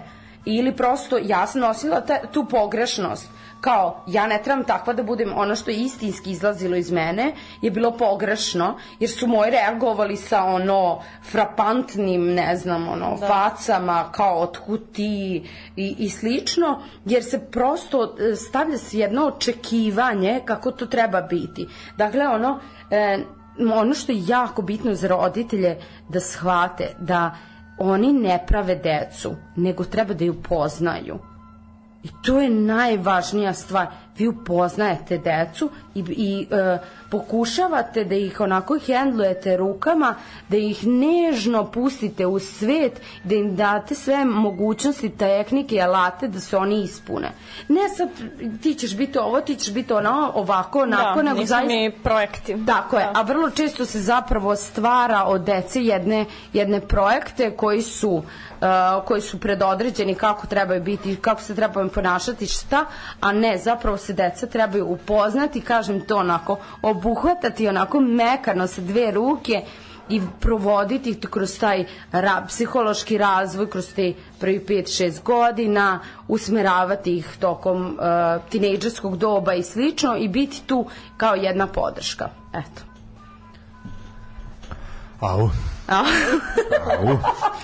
Jel zapisujete ovaj, dragi A, ne, slušalci? sreća, pa ne treba zapisuje, ima, imaće u audio formu.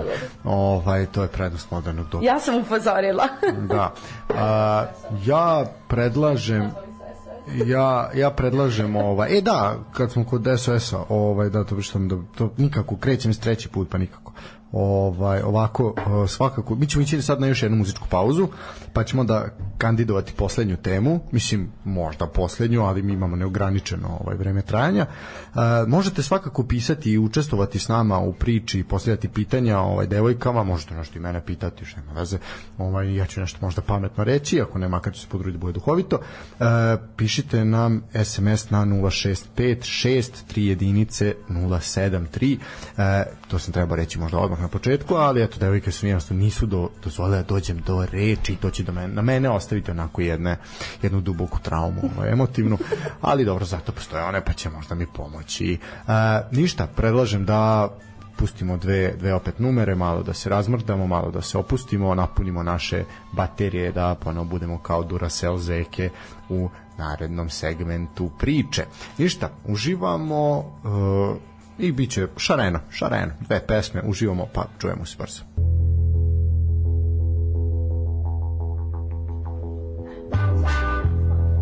Bukvalno live. Joe Rogan aparatima, Joe Rogan se. Strašno. Nisu naučili da ne treba pričati dok ja ne počnem, a regleri su podignuti. Sveća pa je za vreme Ali muzike... tri žene, mislim, to je teško. Da, da, da, ja. jako. Ne, vidi, meni, meni pulicera. Meni, Da, meni da, da, da. pulicera treba dati večeras. Ovaj, e, ne, šalim se, super. je. Kad biste čuli šta se priča u ovom studiju kad regleri se spuste, koja god emisija da je u pitanju, tu ima mnogo godina robije, da vam ja kažem. Ovaj, tako da je bolje. To ćemo naš naplaći. Ovo kao nek bude besplatno, a ovo šta mi pričamo kad su regleri dole, e to se masno U, naplaćuje. da, da. To se masno naplaćuje. Ja verujem da bi ljudi- to ono kao behind the scenes. Ovaj, šta, šta mi Da. pričamo. To mislim da bi se Šta? moglo masno naplatiti. Šta nam je u čaši, šta... To, to, to, da. Osim tog mutagena zelenog. Ayahuasca. da, da, da, da, da, da. Idemo sledeći put zovemo Gabora Matea, ono uzimamo Mariju da, čovječe, gledala sam podcast, uh, njegov sin i Galeb.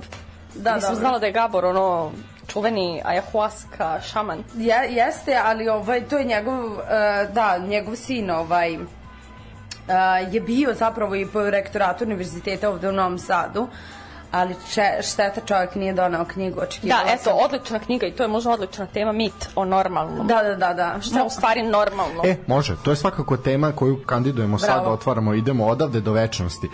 Uh, evo ovako, da, šta je normalno? Zapravo šta je danas normalno? To je veliko pitanje i to mislim da niko od nas ne može da da tačan odgovor, ali zapravo kako sebe zaštititi i kako ostati normalan u ovakvom vremenu, a evo od uh, te godine lockdowna, to smo pričali kad smo došli, evo te 2020. kad smo bili bombardovani, a, ono, naredne dve nedelje su ključne, ovaj, padaćemo po ulicama i tako dalje, svega toga. Znači, to je, mi smo, pazite, svaki dan ritualno je veliki postotak, ne veliki, skoro kompletan postotak naše države je, se, je palio TV tačno kad je obraćanje kriznog štaba i to se sluša, znači kao, nama život sad zavisi od toga. I bukvalno je sad, e, postoji ta tendencija, znači stalno i ulazimo iz krize u krizu, stalno je neka kriza, stalno je nešto, stalno je neka opasnost, stalno se nešto dešava, konstantno bombardovanje. Ja sad, evo, e, to baš prethodnih danas, danas provodim to malo istraživanje i to ću sad pitati i vas.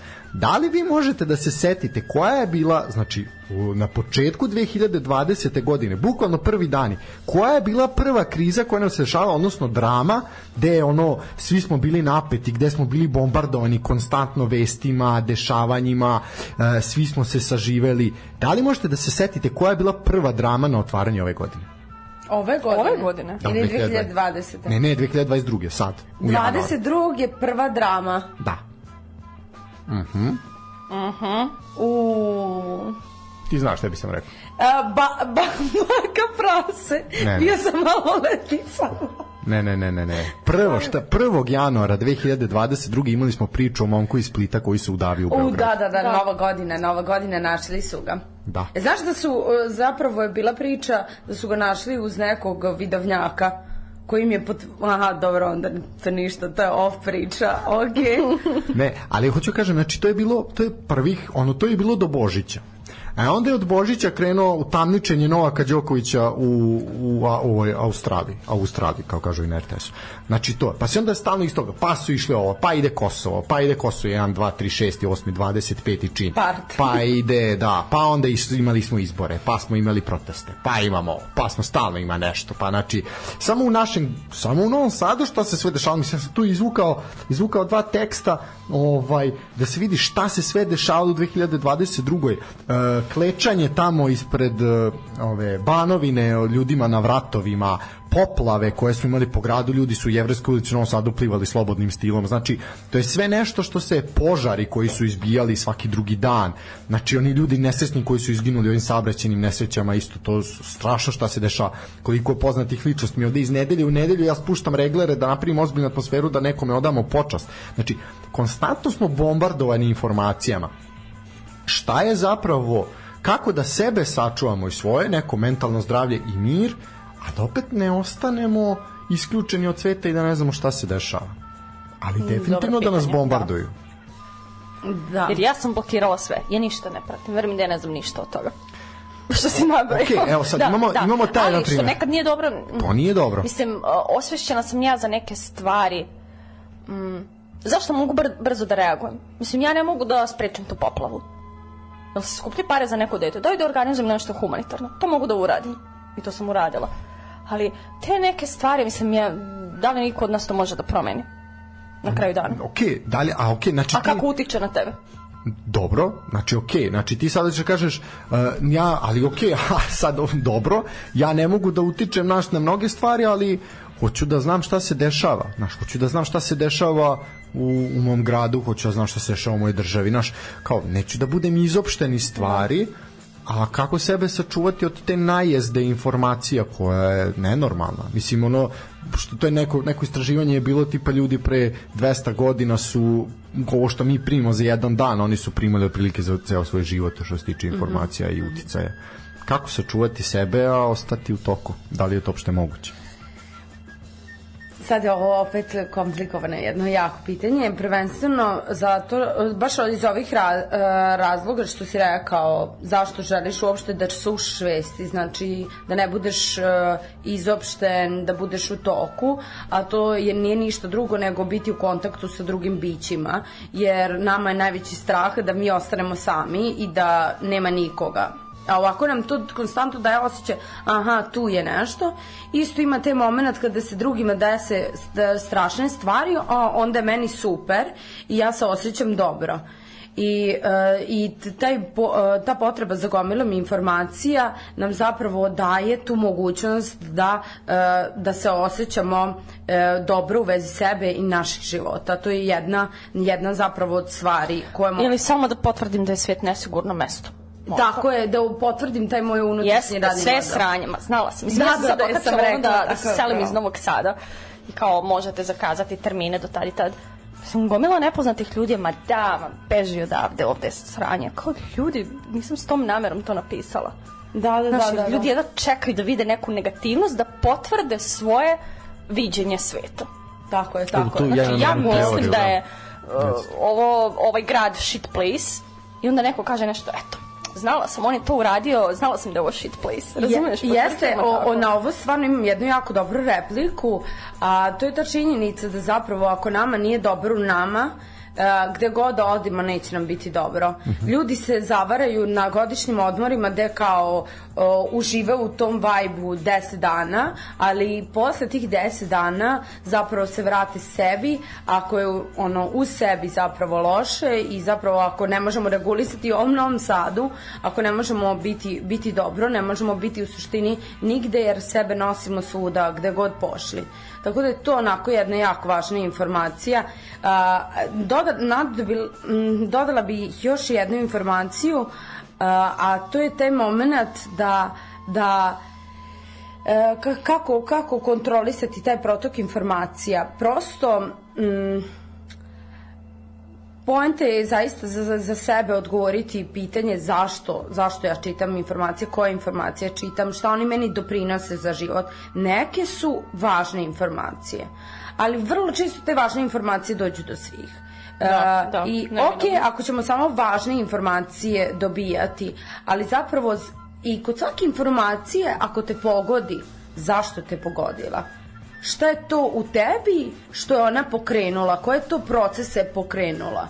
Dakle, ne znam, ako bude neki iznenadi udes, aha, to u tebi po, potencijalno, sada ovako navodim kao primer, aha, to u meni potencijalno budi osjećaj Aha, pa da, ja mogu uskoro umreti, ovo se svakodnevno uh, dešava ljudima i sad se u meni čak vrlo često i nesvesno pokreće, pokreće ta problematika smrti, života, uh, šta ja želim ili ne želim, a to su sve onako na jednoj niskim nesvesnim frekvencijama prosto se pokreću, pokreću te teme.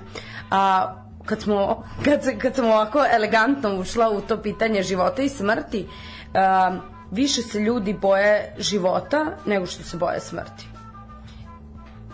A to onako, i, i to, bi, to bi ostavila svima da onako osete to da je zapravo uh, ljub, mnogim ljudima teže zaista živeti i živeti u skladu sa sobom nego, nego zapravo umreti. Zapravo vrlo često ljudima nije strah od smrti nego strah od života.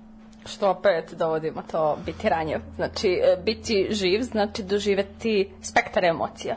Znači, ideš u veliki minus da osetiš negativne emocije i kakav ti je kapacitet da osetiš te negativne, on takav ti Da, da, da. kapacitet da osetiš i neko zadovoljstvo, radost. Tako je, ne ja možeš neću ti kao, svaki ja ću dan sad da budem- zavrnem slavinu za ove emocije i samo, kako ćeš ti znati i osetiti to ako Naravno, ja, zašto ja neću da budem, zašto ja moram svaki dan da budem nasmejan? Neću danas mi se ne bude nasmejan, ja neću danas biti nasmejan.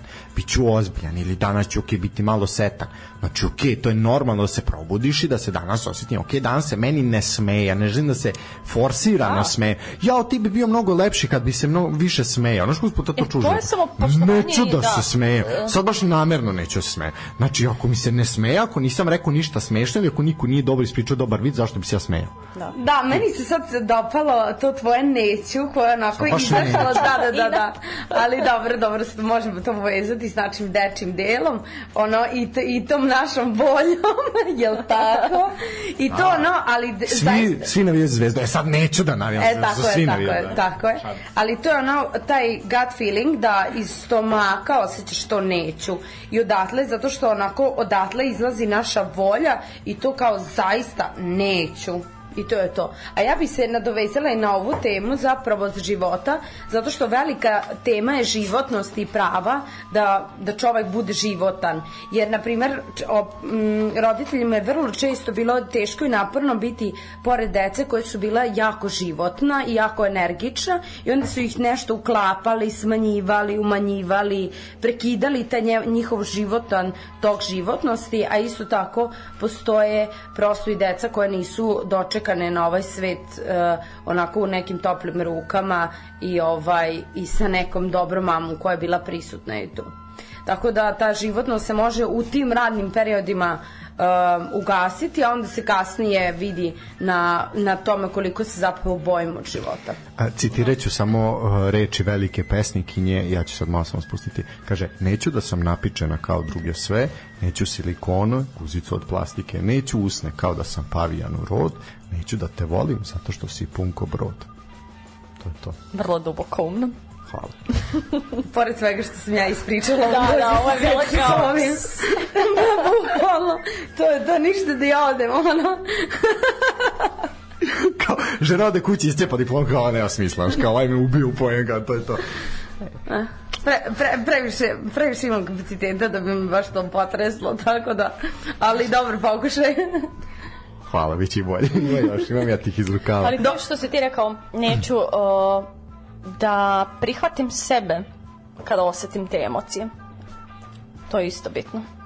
Pa ne, okej, danas Znaš, mi da nije dan. vidiš tu sli, ta slika o sebi. Znači, Da. ja nisam loser, gubitnik, da Ne, pričaš okej, sebi te neke danas priče. Mi, danas E, mi nije da. dan, danas ću biti tako, danas mi se ne radi ništa, danas uzet ću de, ono, dan off, mislim dan off u smislu ne sad ono, odložit ću neke obaveze koje mogu da se odlože ili tako nešto, posvetit ću se malo sebi, danas mi to treba, znači danas Da, mi treba, da. danas mi ne prija društvo, danas mi ne prija ovo, danas mi, znači, ili već šta, ko kome sad sebe, primjer, da. da. Ovaj, ili ono kao, ok, danas sam, danas sam happy, ono šta god da uradiš, ja ću biti happy, ono naš, ono, puštaću veselu muziku i ono ha ha ha danas mi je takav dan i dobro možda gori pored mene ali mi ću danas biti takav i to je to. Tako da znaš danas ću biti dobronameran i human bit ću ono ne znam nosit ću crveni krst na leđima ali sutra neću da dam ono, ono čoveku koji prosi na ulici jednostavno neću. Znači to mislim da znaš kao jako je problem kada nešto postane ono što ste rekli kada postane ono pomodarstvo. Znaš kao sad svi su takvi sad ja moram da budem takav ili takva da ne bih izlazio iz tih nekih znaš kao da bih bio društveno prihvaćen. Znači ako svi sada slušaju ovo to je sad popularno sad ću ja to da slušam zato da bi me svi prihvatili Brate, ne mora. Znači ne mora ništa ne, ne mora se ništa niti se mora biti nije u krajnjoj liniji ni dobro budemo svi isti. Znači ako je potrebno budemo različiti jer ako volite samo onda je to opet problem i problem i tih ljudi koji izopštavaju nekoga zato što je neko drugačiji ili se drugačije ponaša drugačije on se ne osmehuje naš on je stalno nešto natmure a bolje ga onda pite zašto je to tako nego što jel? A? Mogu i ja. 2000 dinara po a? mogu mogu za dve. Može više može više. A joj dobro. Šta? Četiri? Možeš da te novci tu leže? O ja sam mislio popovi najbolje zarađuju Oj, joj, sine. Znači, to je to. Dva sa, sva, sata kvalitetnog programa, pa se ti izračunaj. Pa to, moj di su novci, šta ja radim, čitam život, je, oj bože, sad ću zaplakati, treba će mi terapija. Joj. Možemo zakazati. ne, 4000. Te novce. znači, prvo ti meni pa da, da, ajde, šta se, ajde, dobro, nekako ćemo smisliti. Vraća se ciklično. Pa kruženje, da, u prirodi. Da, da, kruženje. Upravo. A, dobro, šta, šta se. Ove, ovaj, da, tako da sve u svemu, šta je poenta? Kako sačuvati sebe? Ja sam sad sam baš Milomir Marić, ono koji, znaš, ono kao, a šta je Arkan radio? šta je Peđa taksista? Peđa vola da šikanira, znaš, kao, zašto je Arkan šišo cecu, znaš, ono prilike, da. Možemo i o tome. A, o... Nećemo, da. Nećemo izbegavamo. Ne, evo sad, na primjer, u vezi, za, u, vezi, u vezi sad te priče, da li vi imate osjećaj, na primjer, da mi o, sad se mi, ok, ovo nije prva realno kriza kroz koju smo mi prošli, ali ajde, bili smo mi jako mali kad se, na primjer, dešalo bombardovanje, ajde, mi smo tu negdje u godinu dve razlike, ali realno se toga ne sećamo iz tog ugla, nismo bili odrasle zrele osobe koje posmatraju svet i primaju informacije na način koji to danas mm -hmm. radimo, znači to su već naš, tu su naši roditelji, kriza naših roditelja je bilo to sve, te, te prelepe 90. Ovaj, ali mi sad imamo, da li vi imate osjećaj da rat u Ukrajini traje skoro 300 dana? Dana. Znači, da, da, znači to je počelo, to je počelo ove godine. Uh mhm. -huh. Znači, i mi konstantno svaki dan su vesti šta se dešava. Pa imali smo priliv jednog stanovništva koji realno uh, je na ovim prostorima bio u nekim neznatnim tragovima, znači mi sad imamo dolazak jedne kulture s kojom vidim da u početku je naš narod kao braće, braće, a boga mi sad sve više ne mogu da ih svare, jer ipak dolazi do sudaranja. Ne, ne možemo da plaćamo stanove. I to je, to je posebna kriza, to je da, posebna da. priča. Znači, -hmm. kako to sve utiče sada na nas? Znači, da mi sada kao jedne zrele osobe konstantno živimo pod pritiskom, već godinu dana imamo neki pritisak, neki, neku, ovaj, neka kriza, da se ne zna, objavljivanje cene goriva svake nedelje, podizanje cene ovoga, onoga, kriza stanovanja i tako dalje. Ovaj, znači sve je to, sve je to nešto što je nama pritisak konstantno godinu dana. Dobro, možeš postaviti neko konkretno pitanje? Kako ono... sačuvati sebe? kao što je smisao života. to je prilika. Pa naravno, to je prilike. imaš vreme svog vreme ovog sveta, to je to. Da. Jel da? Regleri. Ovo će onda biti najduži po, podcast, bit će preko 30 obaramo, sati. Obaramo rekorda 30 sati. Um, šta je, kako se sačuvati od toga? Pa... Uh, tu ima... Ka, ne mora se sačuvati, kako se nositi sa tim? Kako se Ali nositi... kako se nosiš sa sobom inače? Jer dolazak nekoga, odlazak nekoga ne menja činjenicu ko sam ja. Reci, slobodno. Ajde. I ne mora da bude savršeno. Da. Kako se, kako se nositi sa sobom, znači kako, kako se nositi sa krizom koja konstantno traje. Ok, sad ti možeš smanjiti dotok informacija, ali ti imaš neki pritisak koji je konstantno tu. A, to što je velika problematika, to što imamo uh, preplavi, uh, mi smo preplavljeni kortizolom i znači naš osjećaj sigurnosti je poljuljan Dakle, nama se non stop e, drma tlo pod nogama i prosto naš čistav sistem je non stop po tom konstantnom aktivacijom.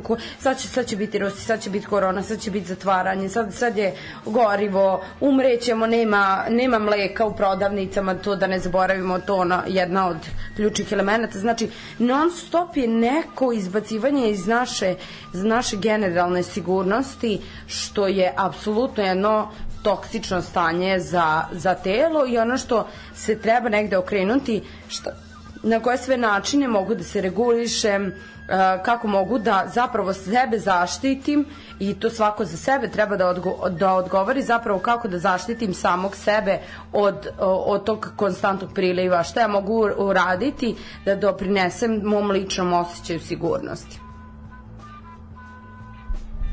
Reci, reci, krenula si nešto. Mm, pa ništa, htjela sam da se nadovežem, ali voz mi je otišao sada. Ne, ne, slobodno. Pa većina ljudi se ne nosi ni sa čim, ne nosi se, izbegava.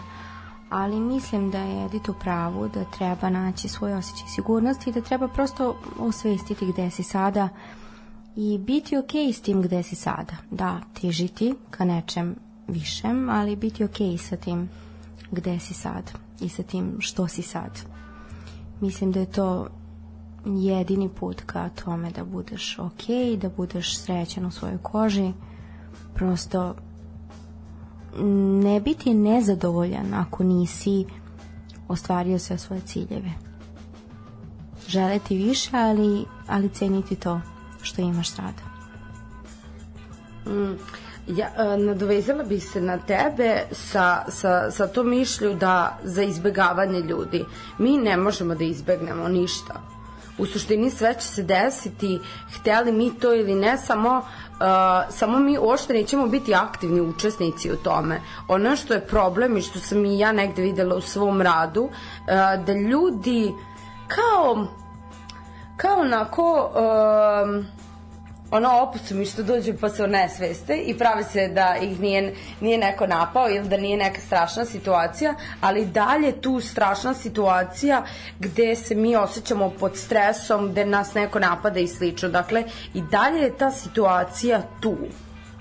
Znači, ona nije prosto nestala, dezintegrisala se, ona je i dalje tu i m, samo se ljudi prave i tim pravljenjem se, se ljudi stavljaju u poziciju deteta koje je nemoćno. A biti nemoćan je uh, za, za jednu odraslu osobu ono pogubna stvar, jer zapravo kao odrasla bića mi imamo neku moć da nešto uradimo. Povodom svega možemo pokrenuti taj naš odrasli deo i zapravo uraditi nešto što će nam osigurati e, zapravo sigurnost, stabilnost ili šta god da nam je poljuljano to u tom procesu. Ja imam jednu poznanicu koja je stava a, kad nisi okej, okay, samo se preokupiraj nečim i ja sam jako protiv toga, jako protiv toga i stalo sam pokušavala da objasnim koliko je to nezdravo u stvari, koliko je to guranje po tepih kao pa samo uzmi nešto da radiš, kao uzmi, uzmi okupiraj se, uzmi što više poslova, što više hobija. Ne, ajde sedi i budi ne okej. Okay. Ajde samo sedi i budi ne okej. Okay. Ali to je isto budi, zavisnost. Tako je, to je zavisnost. Budi okej okay s tim da nisi okej. Okay. Prvi da, korak. tako se, tako se tone još dublje.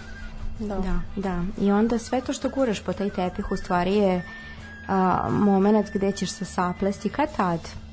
To je samo onako benignija kao zavisnost. Tako ja nešto je. radim, nečim sam okupirana, ali imam neki zid koji me odvaja tako od mojih osjećanja, pa... kao što jeste uloga svakog uh, narkotika, da me otupi, odvoji me tako od je, mene i mojih osjećanja. Tako je, amin. I između ostalog i teretana je zavisnost. Sve je zavisnost. Da, to ne idem da, ispijem kafe sa drugaricama. To, to, to, kao, Kad ja... ostanem sam sa sobom, uzimam telefon za nekog da Manična da. kupovanja. Da, da. Manična kupovanja, da, da. Kaže, ja sam jako zdrava, ja treniram sedam puta nedeljno po dva sata.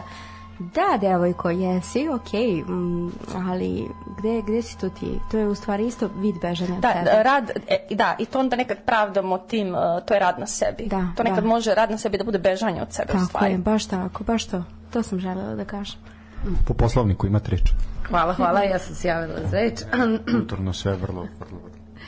Ovaj, eh, htela sam u ovim momentima sada kada ovako žustro diskutujemo o ovome, Ja bih htela da samo skrenem pažnju da prosto uh, ljudima je teško.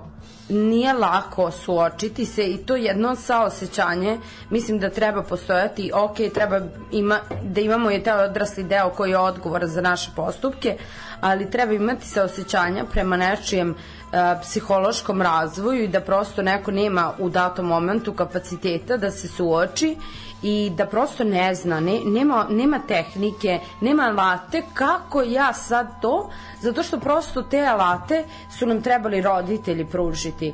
Kao, aha, kada se nađeš u situaciji ne trpaš po tepih, jer je ona morala naučiti od nekoga to trplje, tr, e, trpljenje po tepih. I onda je nazir, našla načine kako se sve to trpa po tepih dok jednom ne zapneš za taj tepih jer je ogroman kao brdo. Ali prosto, i, i onda ljudi dolaze na terapiju, ali prosto vrlo često ljudi nemaju kapaciteta, nemaju energije da se bore sa time. Mislim, uh, u tim situacijama vrlo često je jako teško odvojiti se od, od date osobe koja prosto ne može, neće da se uči, uoči, suoči sa sobom, nesvesna je i, i jako je teško, ali uh, mislim da je u tim trenucima jako važno uh, pogledati svoje potrebe. Vrlo često ja bih dotakla i tu temu um, ljudi koji brine o drugima i koji su tu za druge i sve, a zapravo nekad je okej okay da nekoga volite sa distance i da se ne kidate da objašnjavate i prosto i da zapravo tu drugu osobu gurate u to neko mesto ajde razvi se, ajde vidi, ajde osvesti se nego da ga zaista volite um, takvog bez kapaciteta, bez mogućnosti, ali ok, ja moram uraditi nešto za sebe, a to je da se odvojim s te situacije. To ne znači da moja neka ljubav prema toj osobi prestaje, nego da prosto ne mogu da sebe samo povređujem zato što, zato što druga osoba ne radi na sebi, a isto tako da taj moment, da ta druga osoba nema taj osjećaj e, mene neko želi promeniti i na taj način se zapravo i ta druga osoba retraumatizuje jer se da. šalje neka pogrešna poruka. Ja baš sam to htela da kažem, to nije fair. Nije fair prema osobi, nije fair ni prema sebi biti zaljubljen u nečiji potencijal.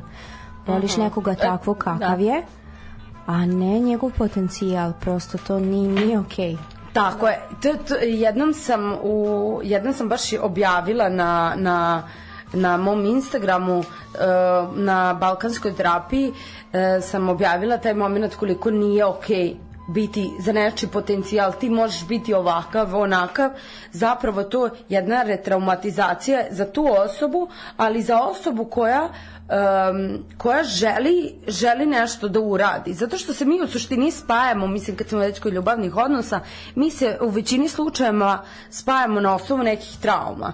I dakle mi pronalazimo baš osobe koje su sklop ono, uh, ra, ranjavanja na, uh, naših ono, mame i tate. I onda nađemo kombinaciju u jednoj osobi i isto tako nađemo kombinaciju u drugoj osobi i zapravo se međusobno povređujemo ono što negde donekle izlaz je zapravo saosećanje i razgovor komunikacija da se te, te neke razlike ovaj uklone, ali to je vrlo hemijski povezano kod nas, da će nam se baš najveća, na primjer, seksualna energija uh, podići na osobu koja ima određene, određeni sklop osobina, jer je to, to nama suštinski poznato. Donekle ljubav kao prava ljubav je ono da ste zaista vi dobri sa sobom. Dakle, ono, meni super sa sobom, meni nič, ne, ne treba mi neko da mene ispuni, jer meni ima dovoljno Meni ima dovoljno i sad ako si ti tu, meni još bolje, meni tvoje društvo prija i strava mi je biti pored tebe, ali idemo, ako ti odeš, ja neću se dezintegrisati, meni, ja ću dalje ostati okej. Okay. I bit će mi žao ako nisi tu, ali ono, neću se raspasti, neću seći vene, Znači, to je, to je nekde ta zrela, prorađena ljubav, ali to se vrlo često dešava tek, tek od jako prorađenih ljudi ili negde ono 70-80 godina kad su već proživeli čitav život i prosto samo jesu i za neke te međuljudske odnose tu su, tu su važne stvari. Ali kada smo mladi, u suštini nema, ne, ne, često nema ta ni komunikacije, ni izražavanja, neko, neko tu prećuti, neko trpi, neko ne kaže, neko se boji da kaže da, da mu je stalo, da pokaže svoju slabost i zapravo dolazi tu do de, m, neke nekomunikacije između dve osobe, a u suštini kad bi nekako svi pokazali to, to što jesmo i tu neku našu ranjivost, i time mi dajemo, pravo i toj drugoj osobi da može biti ranjiva i da ona može biti tu za nas i koliko su ti neki izle i kroz takve odnose mi možemo da uradimo jedan jako lep healing i to je osobi i nama i da zapravo tu, to izađemo oboje kao neki, ajmo reći, pobednici ili mislim ako ne izađemo super, ali ako izađemo da smo zapravo tim lepim kontaktom i komunikacijom uspeli da odemo na neki drugi nivo i da smo ne osobe koje smo naučili puno iz odnosa. Ja, da.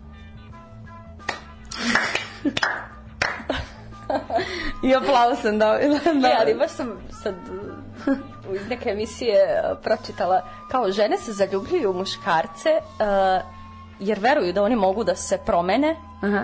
a oni se ne promene. A muškarci se zaljubljuju žene nadajući se da se one neće nikada promeniti, a one se promene. ono je totalno obrnuto. Hmm, interesantno. Da, mi se uvek ono, gledamo nečije potencijale. To je najveći da. problem, da. Da. Da.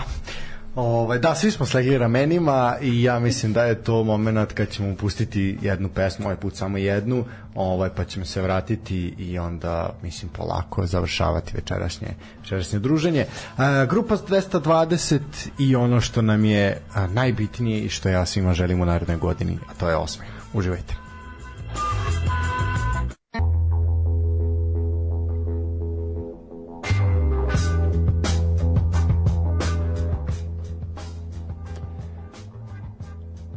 Ušli smo u treći sat, zagazili smo u treći sat, kao što one babe kažu, da, 21 godina, znači zaga, uzeo si 22. 23. već na pragu.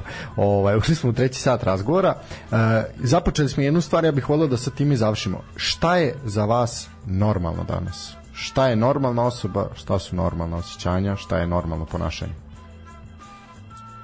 Krenimo redom, da, možemo s koje god strane hoćete, hoćete u smeru kazaljke na satu ne ljubav. moramo na sva pitanja. Šta su normalno osjećanja? Sve su normalno osjećanja. A šta je normalno za vas? Šta je normalno? Natalni termin mene jako nervira, to me jako ne. Ako me nešto nervira, to je re, reč novo normalno. New normal. Da. Pa da. mislim da mi da smo mi sad generacija koja kreira nešto normalno.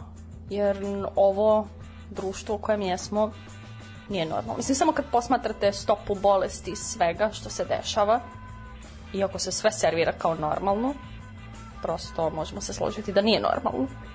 Tako da mislim da mi kreiramo novo normalno.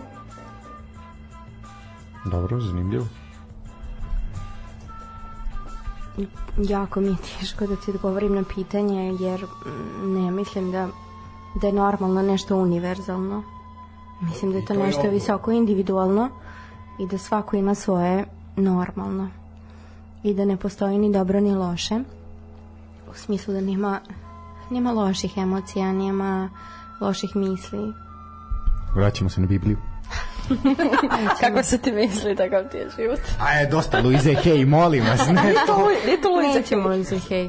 Ali mislim prosto da, da, je, da je normalno, da u stvari, ne normalno, ne sviđa mi se taj termin, optimalno, da je, da je optimalno individualno i da svako ima svoje optimalno.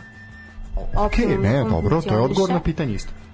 Da prosto to, to ne može da se da se stavi neku standardnu devijaciju, da se, da se napravi nešto što je što je univerzalno, to nije moguće. Mm, pa ja bi se vratila na, na naziv uh, o knjige od Gabora Mate, a to je mit, mit normalnosti. Znači, to je mit. Uh, mislim da je normalnost kao takva mit, navodno po nekim ova uh, stručnim stručnim definicijama, postoje sedam definicija normalnosti i zavisni i zavisnosti od uh, sedam, uh, sedam pristupa tome da sada ne, ne, na, ne nabrajam taksativno, ali prosto postoje različiti uglova, uglovi gledanja normalnosti. Uh, možda jedino što bih ja sada izdvojila, ali nisam iskreno dovoljno razmislila da bih bila apsolutno uverena u ovo što ću sada reći, ali poprilično je, poprilično s druge strane jesam, da je normalno ono zapravo s čime smo došli da treba da bude. Dakle, da budemo u kontaktu i s jednim, s jedni sa drugima, e, da nekako se osjećamo sigurno, stabilno, da smo regulisani od stranih drugih, da smo viđeni, da smo priznati, da je naše postojanje okej. To su ona prava, imam pravo da postojim, imam pravo da se izrazim. To je nešto no- što treba biti normalno, jer smo došli sa tim nekim e, mo- modusom da to tako i treba da bude i problematike zapravo nastaju kada to nije tako. Eto. To je to. Da li vi, evo ja sam sada celo veče bio predsedavajući, da li vi imate neku temu da kandidujete ili nešto da nešto još o čemu biste raspravljale ili ćemo privoditi ovo druženje kraju? Mislim, ve, samo za večeras, ne, ne ovaj generalno. kako smo napravili ovakvu energiju, ovaj, mo, ima, ima tu puno, puno tema. Može sutra dnevna žurka sa nama. Može, može. Mislim da, da žurka. moraš nam dati redovan termin. Pa ćemo... Ključevi su spremni. Da, mislim da je jako teško u dva sata proći kroz sve teme koje smo planirale, ali mislim da smo se solidno dotekle od svega pomalo. Pa e, definitivno da ako smo uspeli da o, zagrebemo ovaj od svega pomalo i zapravo time podstaknemo što veći broj ljudi da malo razmisle i da zastanu za trenutak i da ovaj u pauzi jedenja ruske salate i sarme ovih dana ovaj se nešto i zapitaju mislim da smo mislim da smo definitivno uspeli a vama troma zaista ovaj, ili trema ili trima, ne znam kako se kaže. A počeli smo sa tremom, tako da je Da, to da. ono skoro. da, da, da, da. To smo preskočili, preskočili smo teme, e, temu treme koja je isto jako važna. A da, imali ste te, kako se sad osjećate nakon 2 sata i 13 minuta razgovora? Da li je sad ta trema nestala? Potpuno da. Da. Da. Znači, nema, nema Ja potrebe sam, za ja sam se sada setila da zapravo u jednom trenutku sam tela pokrenuti temu kritičara i da je to jedan jako važan psihološki element, to je taj kritičar koji nam govori uh, na početku nisi uradio ovo, kako si ovo uradio, kljakav si, ne znaš ništa da uradiš tako to i slične stvari, a kritičar nije ništa drugo nego internalizovan roditelj koji nama sada svuda tu gde god otišli. I sad sam se onako svestila koliko sam imala kritične misli, koliko mi se kritičar pojavio kao pa zašto si tako brzo govorila, mogla si sporije, mogla si akcentovati stvari, par puta si se zaplela od toga što si želela puno da kažeš i slično. I osetila sam tu ono kao navelu, navelu kritike ko, ja i kritičar smo ovako jako dobri drugari. On me baš ne voli, ali ja sam okej. Okay. ovaj, zapravo pokreću se, pokreću se sve te onako neke senzacije, ali meni je bilo zapravo interesantno ovaj, na ovaj način komunicirati i meni je bilo zapravo jako lepo to onako da, da pričamo i zapravo da i drugi de, ljudi dele neka razmišljanja o sebi, o drugima e, na ovakav način i, e, i to je to što, bi, što, što bih rekla, zapratite balkansku terapiju na Instagramu i javite mi se u, u DM. Skliznite mi u DM. E, dobro, e, pa ne. Strašno. ne tako. Ne, da. E, što se tiče što se tiče ovaj toga, evo ja ti mogu reći da apsolutno je sve bilo u najboljem redu i da nema potrebe za, za tom kritikom ovaj sebe sve sve je to u najboljem redu i sve te stvari se se zapravo dešavaju i evo sad sam imao priliku ovaj prolazeći tu obuku obuku ovaj na Areni Sport uh, znaš kao ljudi, ljudi krenu i krenu fantastično i ono uverljivo pričaju, prezentuju sve sve i bukvalno naprave lapsus tipa to to, znači krenu da kažu dve reči istovremeno i to se totalno sve sruši, a za tim zaista zaista ne potrebe, samo treba nastaviti dalje, jer ako se zablokiraš na tome i krene ta kritika, sad moram se iz početka nije dobro, nije dobro, time se samo još propada dublje i dublje i dublje i dublje. Ne, znači napravio sam grešku, ok, pogrešio sam u tome, tome i tome, nastavljam i idem dalje. I zamenili smo sada, za sada ulogi za trenutak. ovaj, Jako sam koliko? 2000? 2000? 2000, Ja ću biti... 2000 za gospođu. 2000, Ali te ne, gospodine. te- htela bi istaći samo ta, e, ta svest da postoji e, ono što je jako važno kod nekog tog procesa zaciljenja je i dalje postoji taj kritičar, ali ja se nisam saplela i odustala od moje priče, nego da, primetila sam da sam napravila pogrešku, ali e, i zato reći, hoću reći na svom primeru, ali hajde da vidim šta mogu u sledećoj rečenici reći drugačije, šta može biti drugačije, šta je u suština meni, da li meni da savršeno govorim ili da zapravo uh, kažem i da podelim neku svoje mišljenje, svoje stavove sa vama, to bi bilo mnogo ključnije nego da li će se zaplet, zaplesti ili ne, pošto nek znam da se zapletem kod ovako meni težih reči, ali ovaj, sa, samo mi taj moment prošao onako svesnosti o tome i onako da, tu si, ali prošao si, videla sam te i kao možeš nastaviti,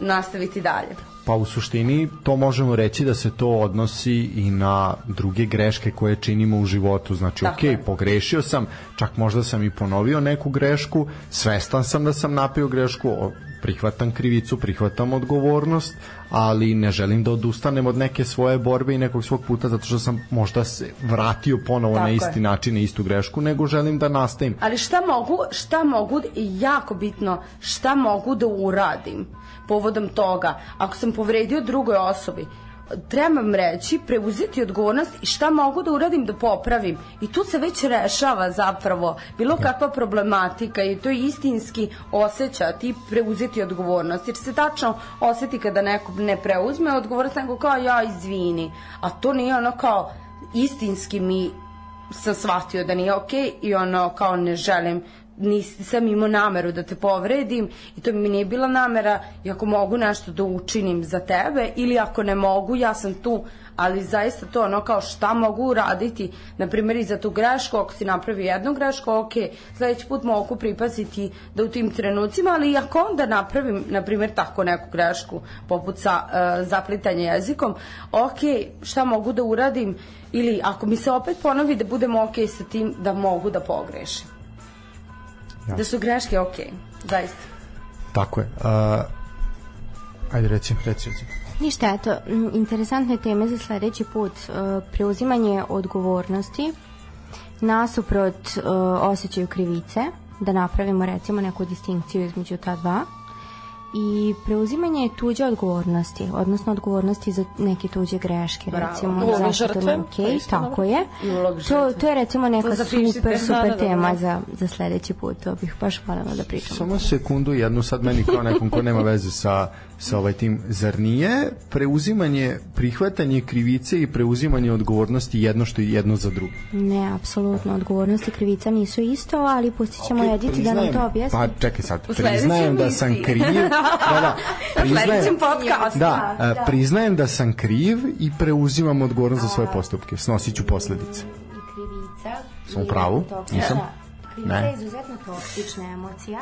A kako, čekaj, čekaj, čekaj, čekaj, čekaj, stani, stani, stani, stani, stani. Ima, sad ovde, ovde, ako bismo počeli pričati o ovome, e, o, jako bismo pro, produžili i ja bi zaista ostavila za neki okay. drugi put, baš se može produžiti i samo se može o tome pričati, ali dobar, ovaj, dobar uvod, tako je. Tako je, nisi, i htela sam reći, ali sam bila nam zaplesio se, pa neću dobro izgovoriti. to je to. E, evo ovako, ajde sad da vam se prvo zahvalim. Hvala što ste ovaj, ovog 30. 12. 2022. godine odabrali i da provedete veče, samo kažete. E, mogu, mogu ja e, pozdrav. Biće prilike, biće da, prilike, čekaj, stani. Prvo ja da se zahvalim. ovaj, prvo, hvala vam zaista ovaj, vrlo ste velikodušne što ste odvojile veče ovako za jedno druženje i za jednu razmenu mišljenja. Uh, meni je bilo zaista čast ugostiti vas, nadam se da vam je bilo, bilo prijatno, nekome drugi put, nekome prvi put, nadam se da ćete doći ponovo, naravno vrata ovog studija 1 Daške mlađe su vam uvek uvek otvorena, ključeve ćemo dati na izlazu. Uh, ja ću sad vama naravno pre, prepustiti taj deo ovaj pre nego što ja budem tu završnu reč uh, da se zahvalite, pozdravite, poželite u novoj godini šta kome želite. Ovaj ja vama želim sve najlepše, kažem šta put hvala što ste došli, a sad imate vi kratko svaka po odjavnu reč da kažete pozdravite mamu, tatu, Huga i Hugolinu i ostalo. Možete opet koji moćete redom. Ok. Ja imam samo dve osobe da, da pozdravim. Uh, a e, zašto sam zapravo ovde, a to je ovaj Stefan Todorović i Nikola Borić. A ono što bih poželjela svima u novoj godini i svim narednim godinama, a to je mir. Eto. Sjajno, da. Mir Boži, ajde. Da. ajde, jeci ti. Upropastio, totalno. totalno. Ali ajde, na... na... Kristu kralju. Ajde. Šta, ništa, danas je moj, moj ime... Pa evo ja da se zahvalim, da, da, stvarno smo, ovaj, kako smo krenuli svi sa trevom, tako smo napravili finu prijateljsku atmosferu, da smo se svi opustili, onako pričali o, o svojim traumama i hvala ti Stanko i nadam se da, da se dame druže u budućim. Ja da. svakako, svakako glasam za to. A krenuo sam kaže danas je moj danas je moj ovaj imenjak a, bivši nadbiskup beogradski Stanislav Počevar izjavio jednu fantastičnu rečenicu. Čovjek inače u penziju, ljudi su mislili da je on umro. On je samo čovjek koji u penziju, zato ga nema ovih dana kad su praznici. Ovaj e, lepo je rekao da kaže srpski narod treba da živi u svoje harizmi. E to je to. To je najjača rečenica koju sam ja pročitao u medijima u posljednjih ja ne znam koliko. Živite u vašoj harizmi i to je da. to. To je sve. mislim da se tu harizma... Harizmu i Kristu kralju. A da, da, da. Ovo sada kada si rekao za Mira, onda sam shvatila kako se može protumačiti pogrešno i kako zapravo u ovakvim zajednicima mir ono se i povezuje za crkvu, pravoslavlje, katoličanstvo i slično, ali ono gde ona poruka odakle sam zapravo išla, da je onako mir u ljudima, da, je, da je, postoji ta smirenost i ona simpatičkog i parasimpatičkog sistema, da, da se nervus vagus funkcioniše kroz, kroz neke tople i uh, isceljujuće odnose i to je ono što sam negde htela reći, da zapravo mir postoji kroz, kroz neki lep, lep isceljujući kontakt. Dobro. Dalje, želiš da pozdraviš nekoga, mamu, tatu, ništa? Sram te bilo. Ne. Drugari iz klupe, ništa. Pozdravljamo Aleksandru koja je trebala E, da, bude ovde uživo. doći, Ovaj, da se- hvala je, javila hvala se- Javila se, nisam pročitao da je javila se, ovaj, rekla da je tehnički Pozdrav za smetnje. Aleksandru i hvala ti na ovom lepom druženju. I što se nas sve Vi zapravo meni ovde spojio. Serdare, ja vama Vojvod. Što se nas zapravo sve ovde spojio da se družimo i pričamo. Da, jadan ja. Ovaj, da, e, evo sad, nakon što su one ovako bile vel, velikodušne na ove zahvalne reči, ja ću sad da se zahvalim svima s obzirom da je ovo poslednja epizoda u ovoj godini, eto jedan praznični specijal uh, u jednom drugačijem tonu nego što ste inače navikli. Prvo i pre svega želim da se zahvalim svima vama koji slušate iz nedelje u nedelju, iz dana u dan. Hvala svima koji uh, komentarišete, učestvujete, predlažete, koji nam javljate šta se dešava, koji javljate slike, koji šaljete slike, koji javljate komentare, javljate kad ima neki problema, kad nema problema, kad se nešto svidi i tako dalje i tako dalje. Znači, to su, to su jedne prelepe stvari i zapravo uh, koliko god da nas ima malo, puno ili nije ni bitan broj, koliko nas ima, dogod nas ima i dogod postoji ovaj neki kanal nekog razmišljanja i zapravo jedno mesto gde možemo da razmenjujemo poglede ne samo na sport nego uopšte i na život to je to je zapravo pardon ključ i poenta svega. E sad što se tiče tehničke zahvalnosti svakako se zahvaljujemo Daški, Dašku i mlađi bez njih ovo sve opet kao i ove godine ne bi ne bi bilo moguće. Hvala našoj dragoj Bilji koja tamo negde iz inostranstva pazi na nas. Hvala Darku, hvala svim svim našim dragim Milanu, svim našim dragim slušaocima.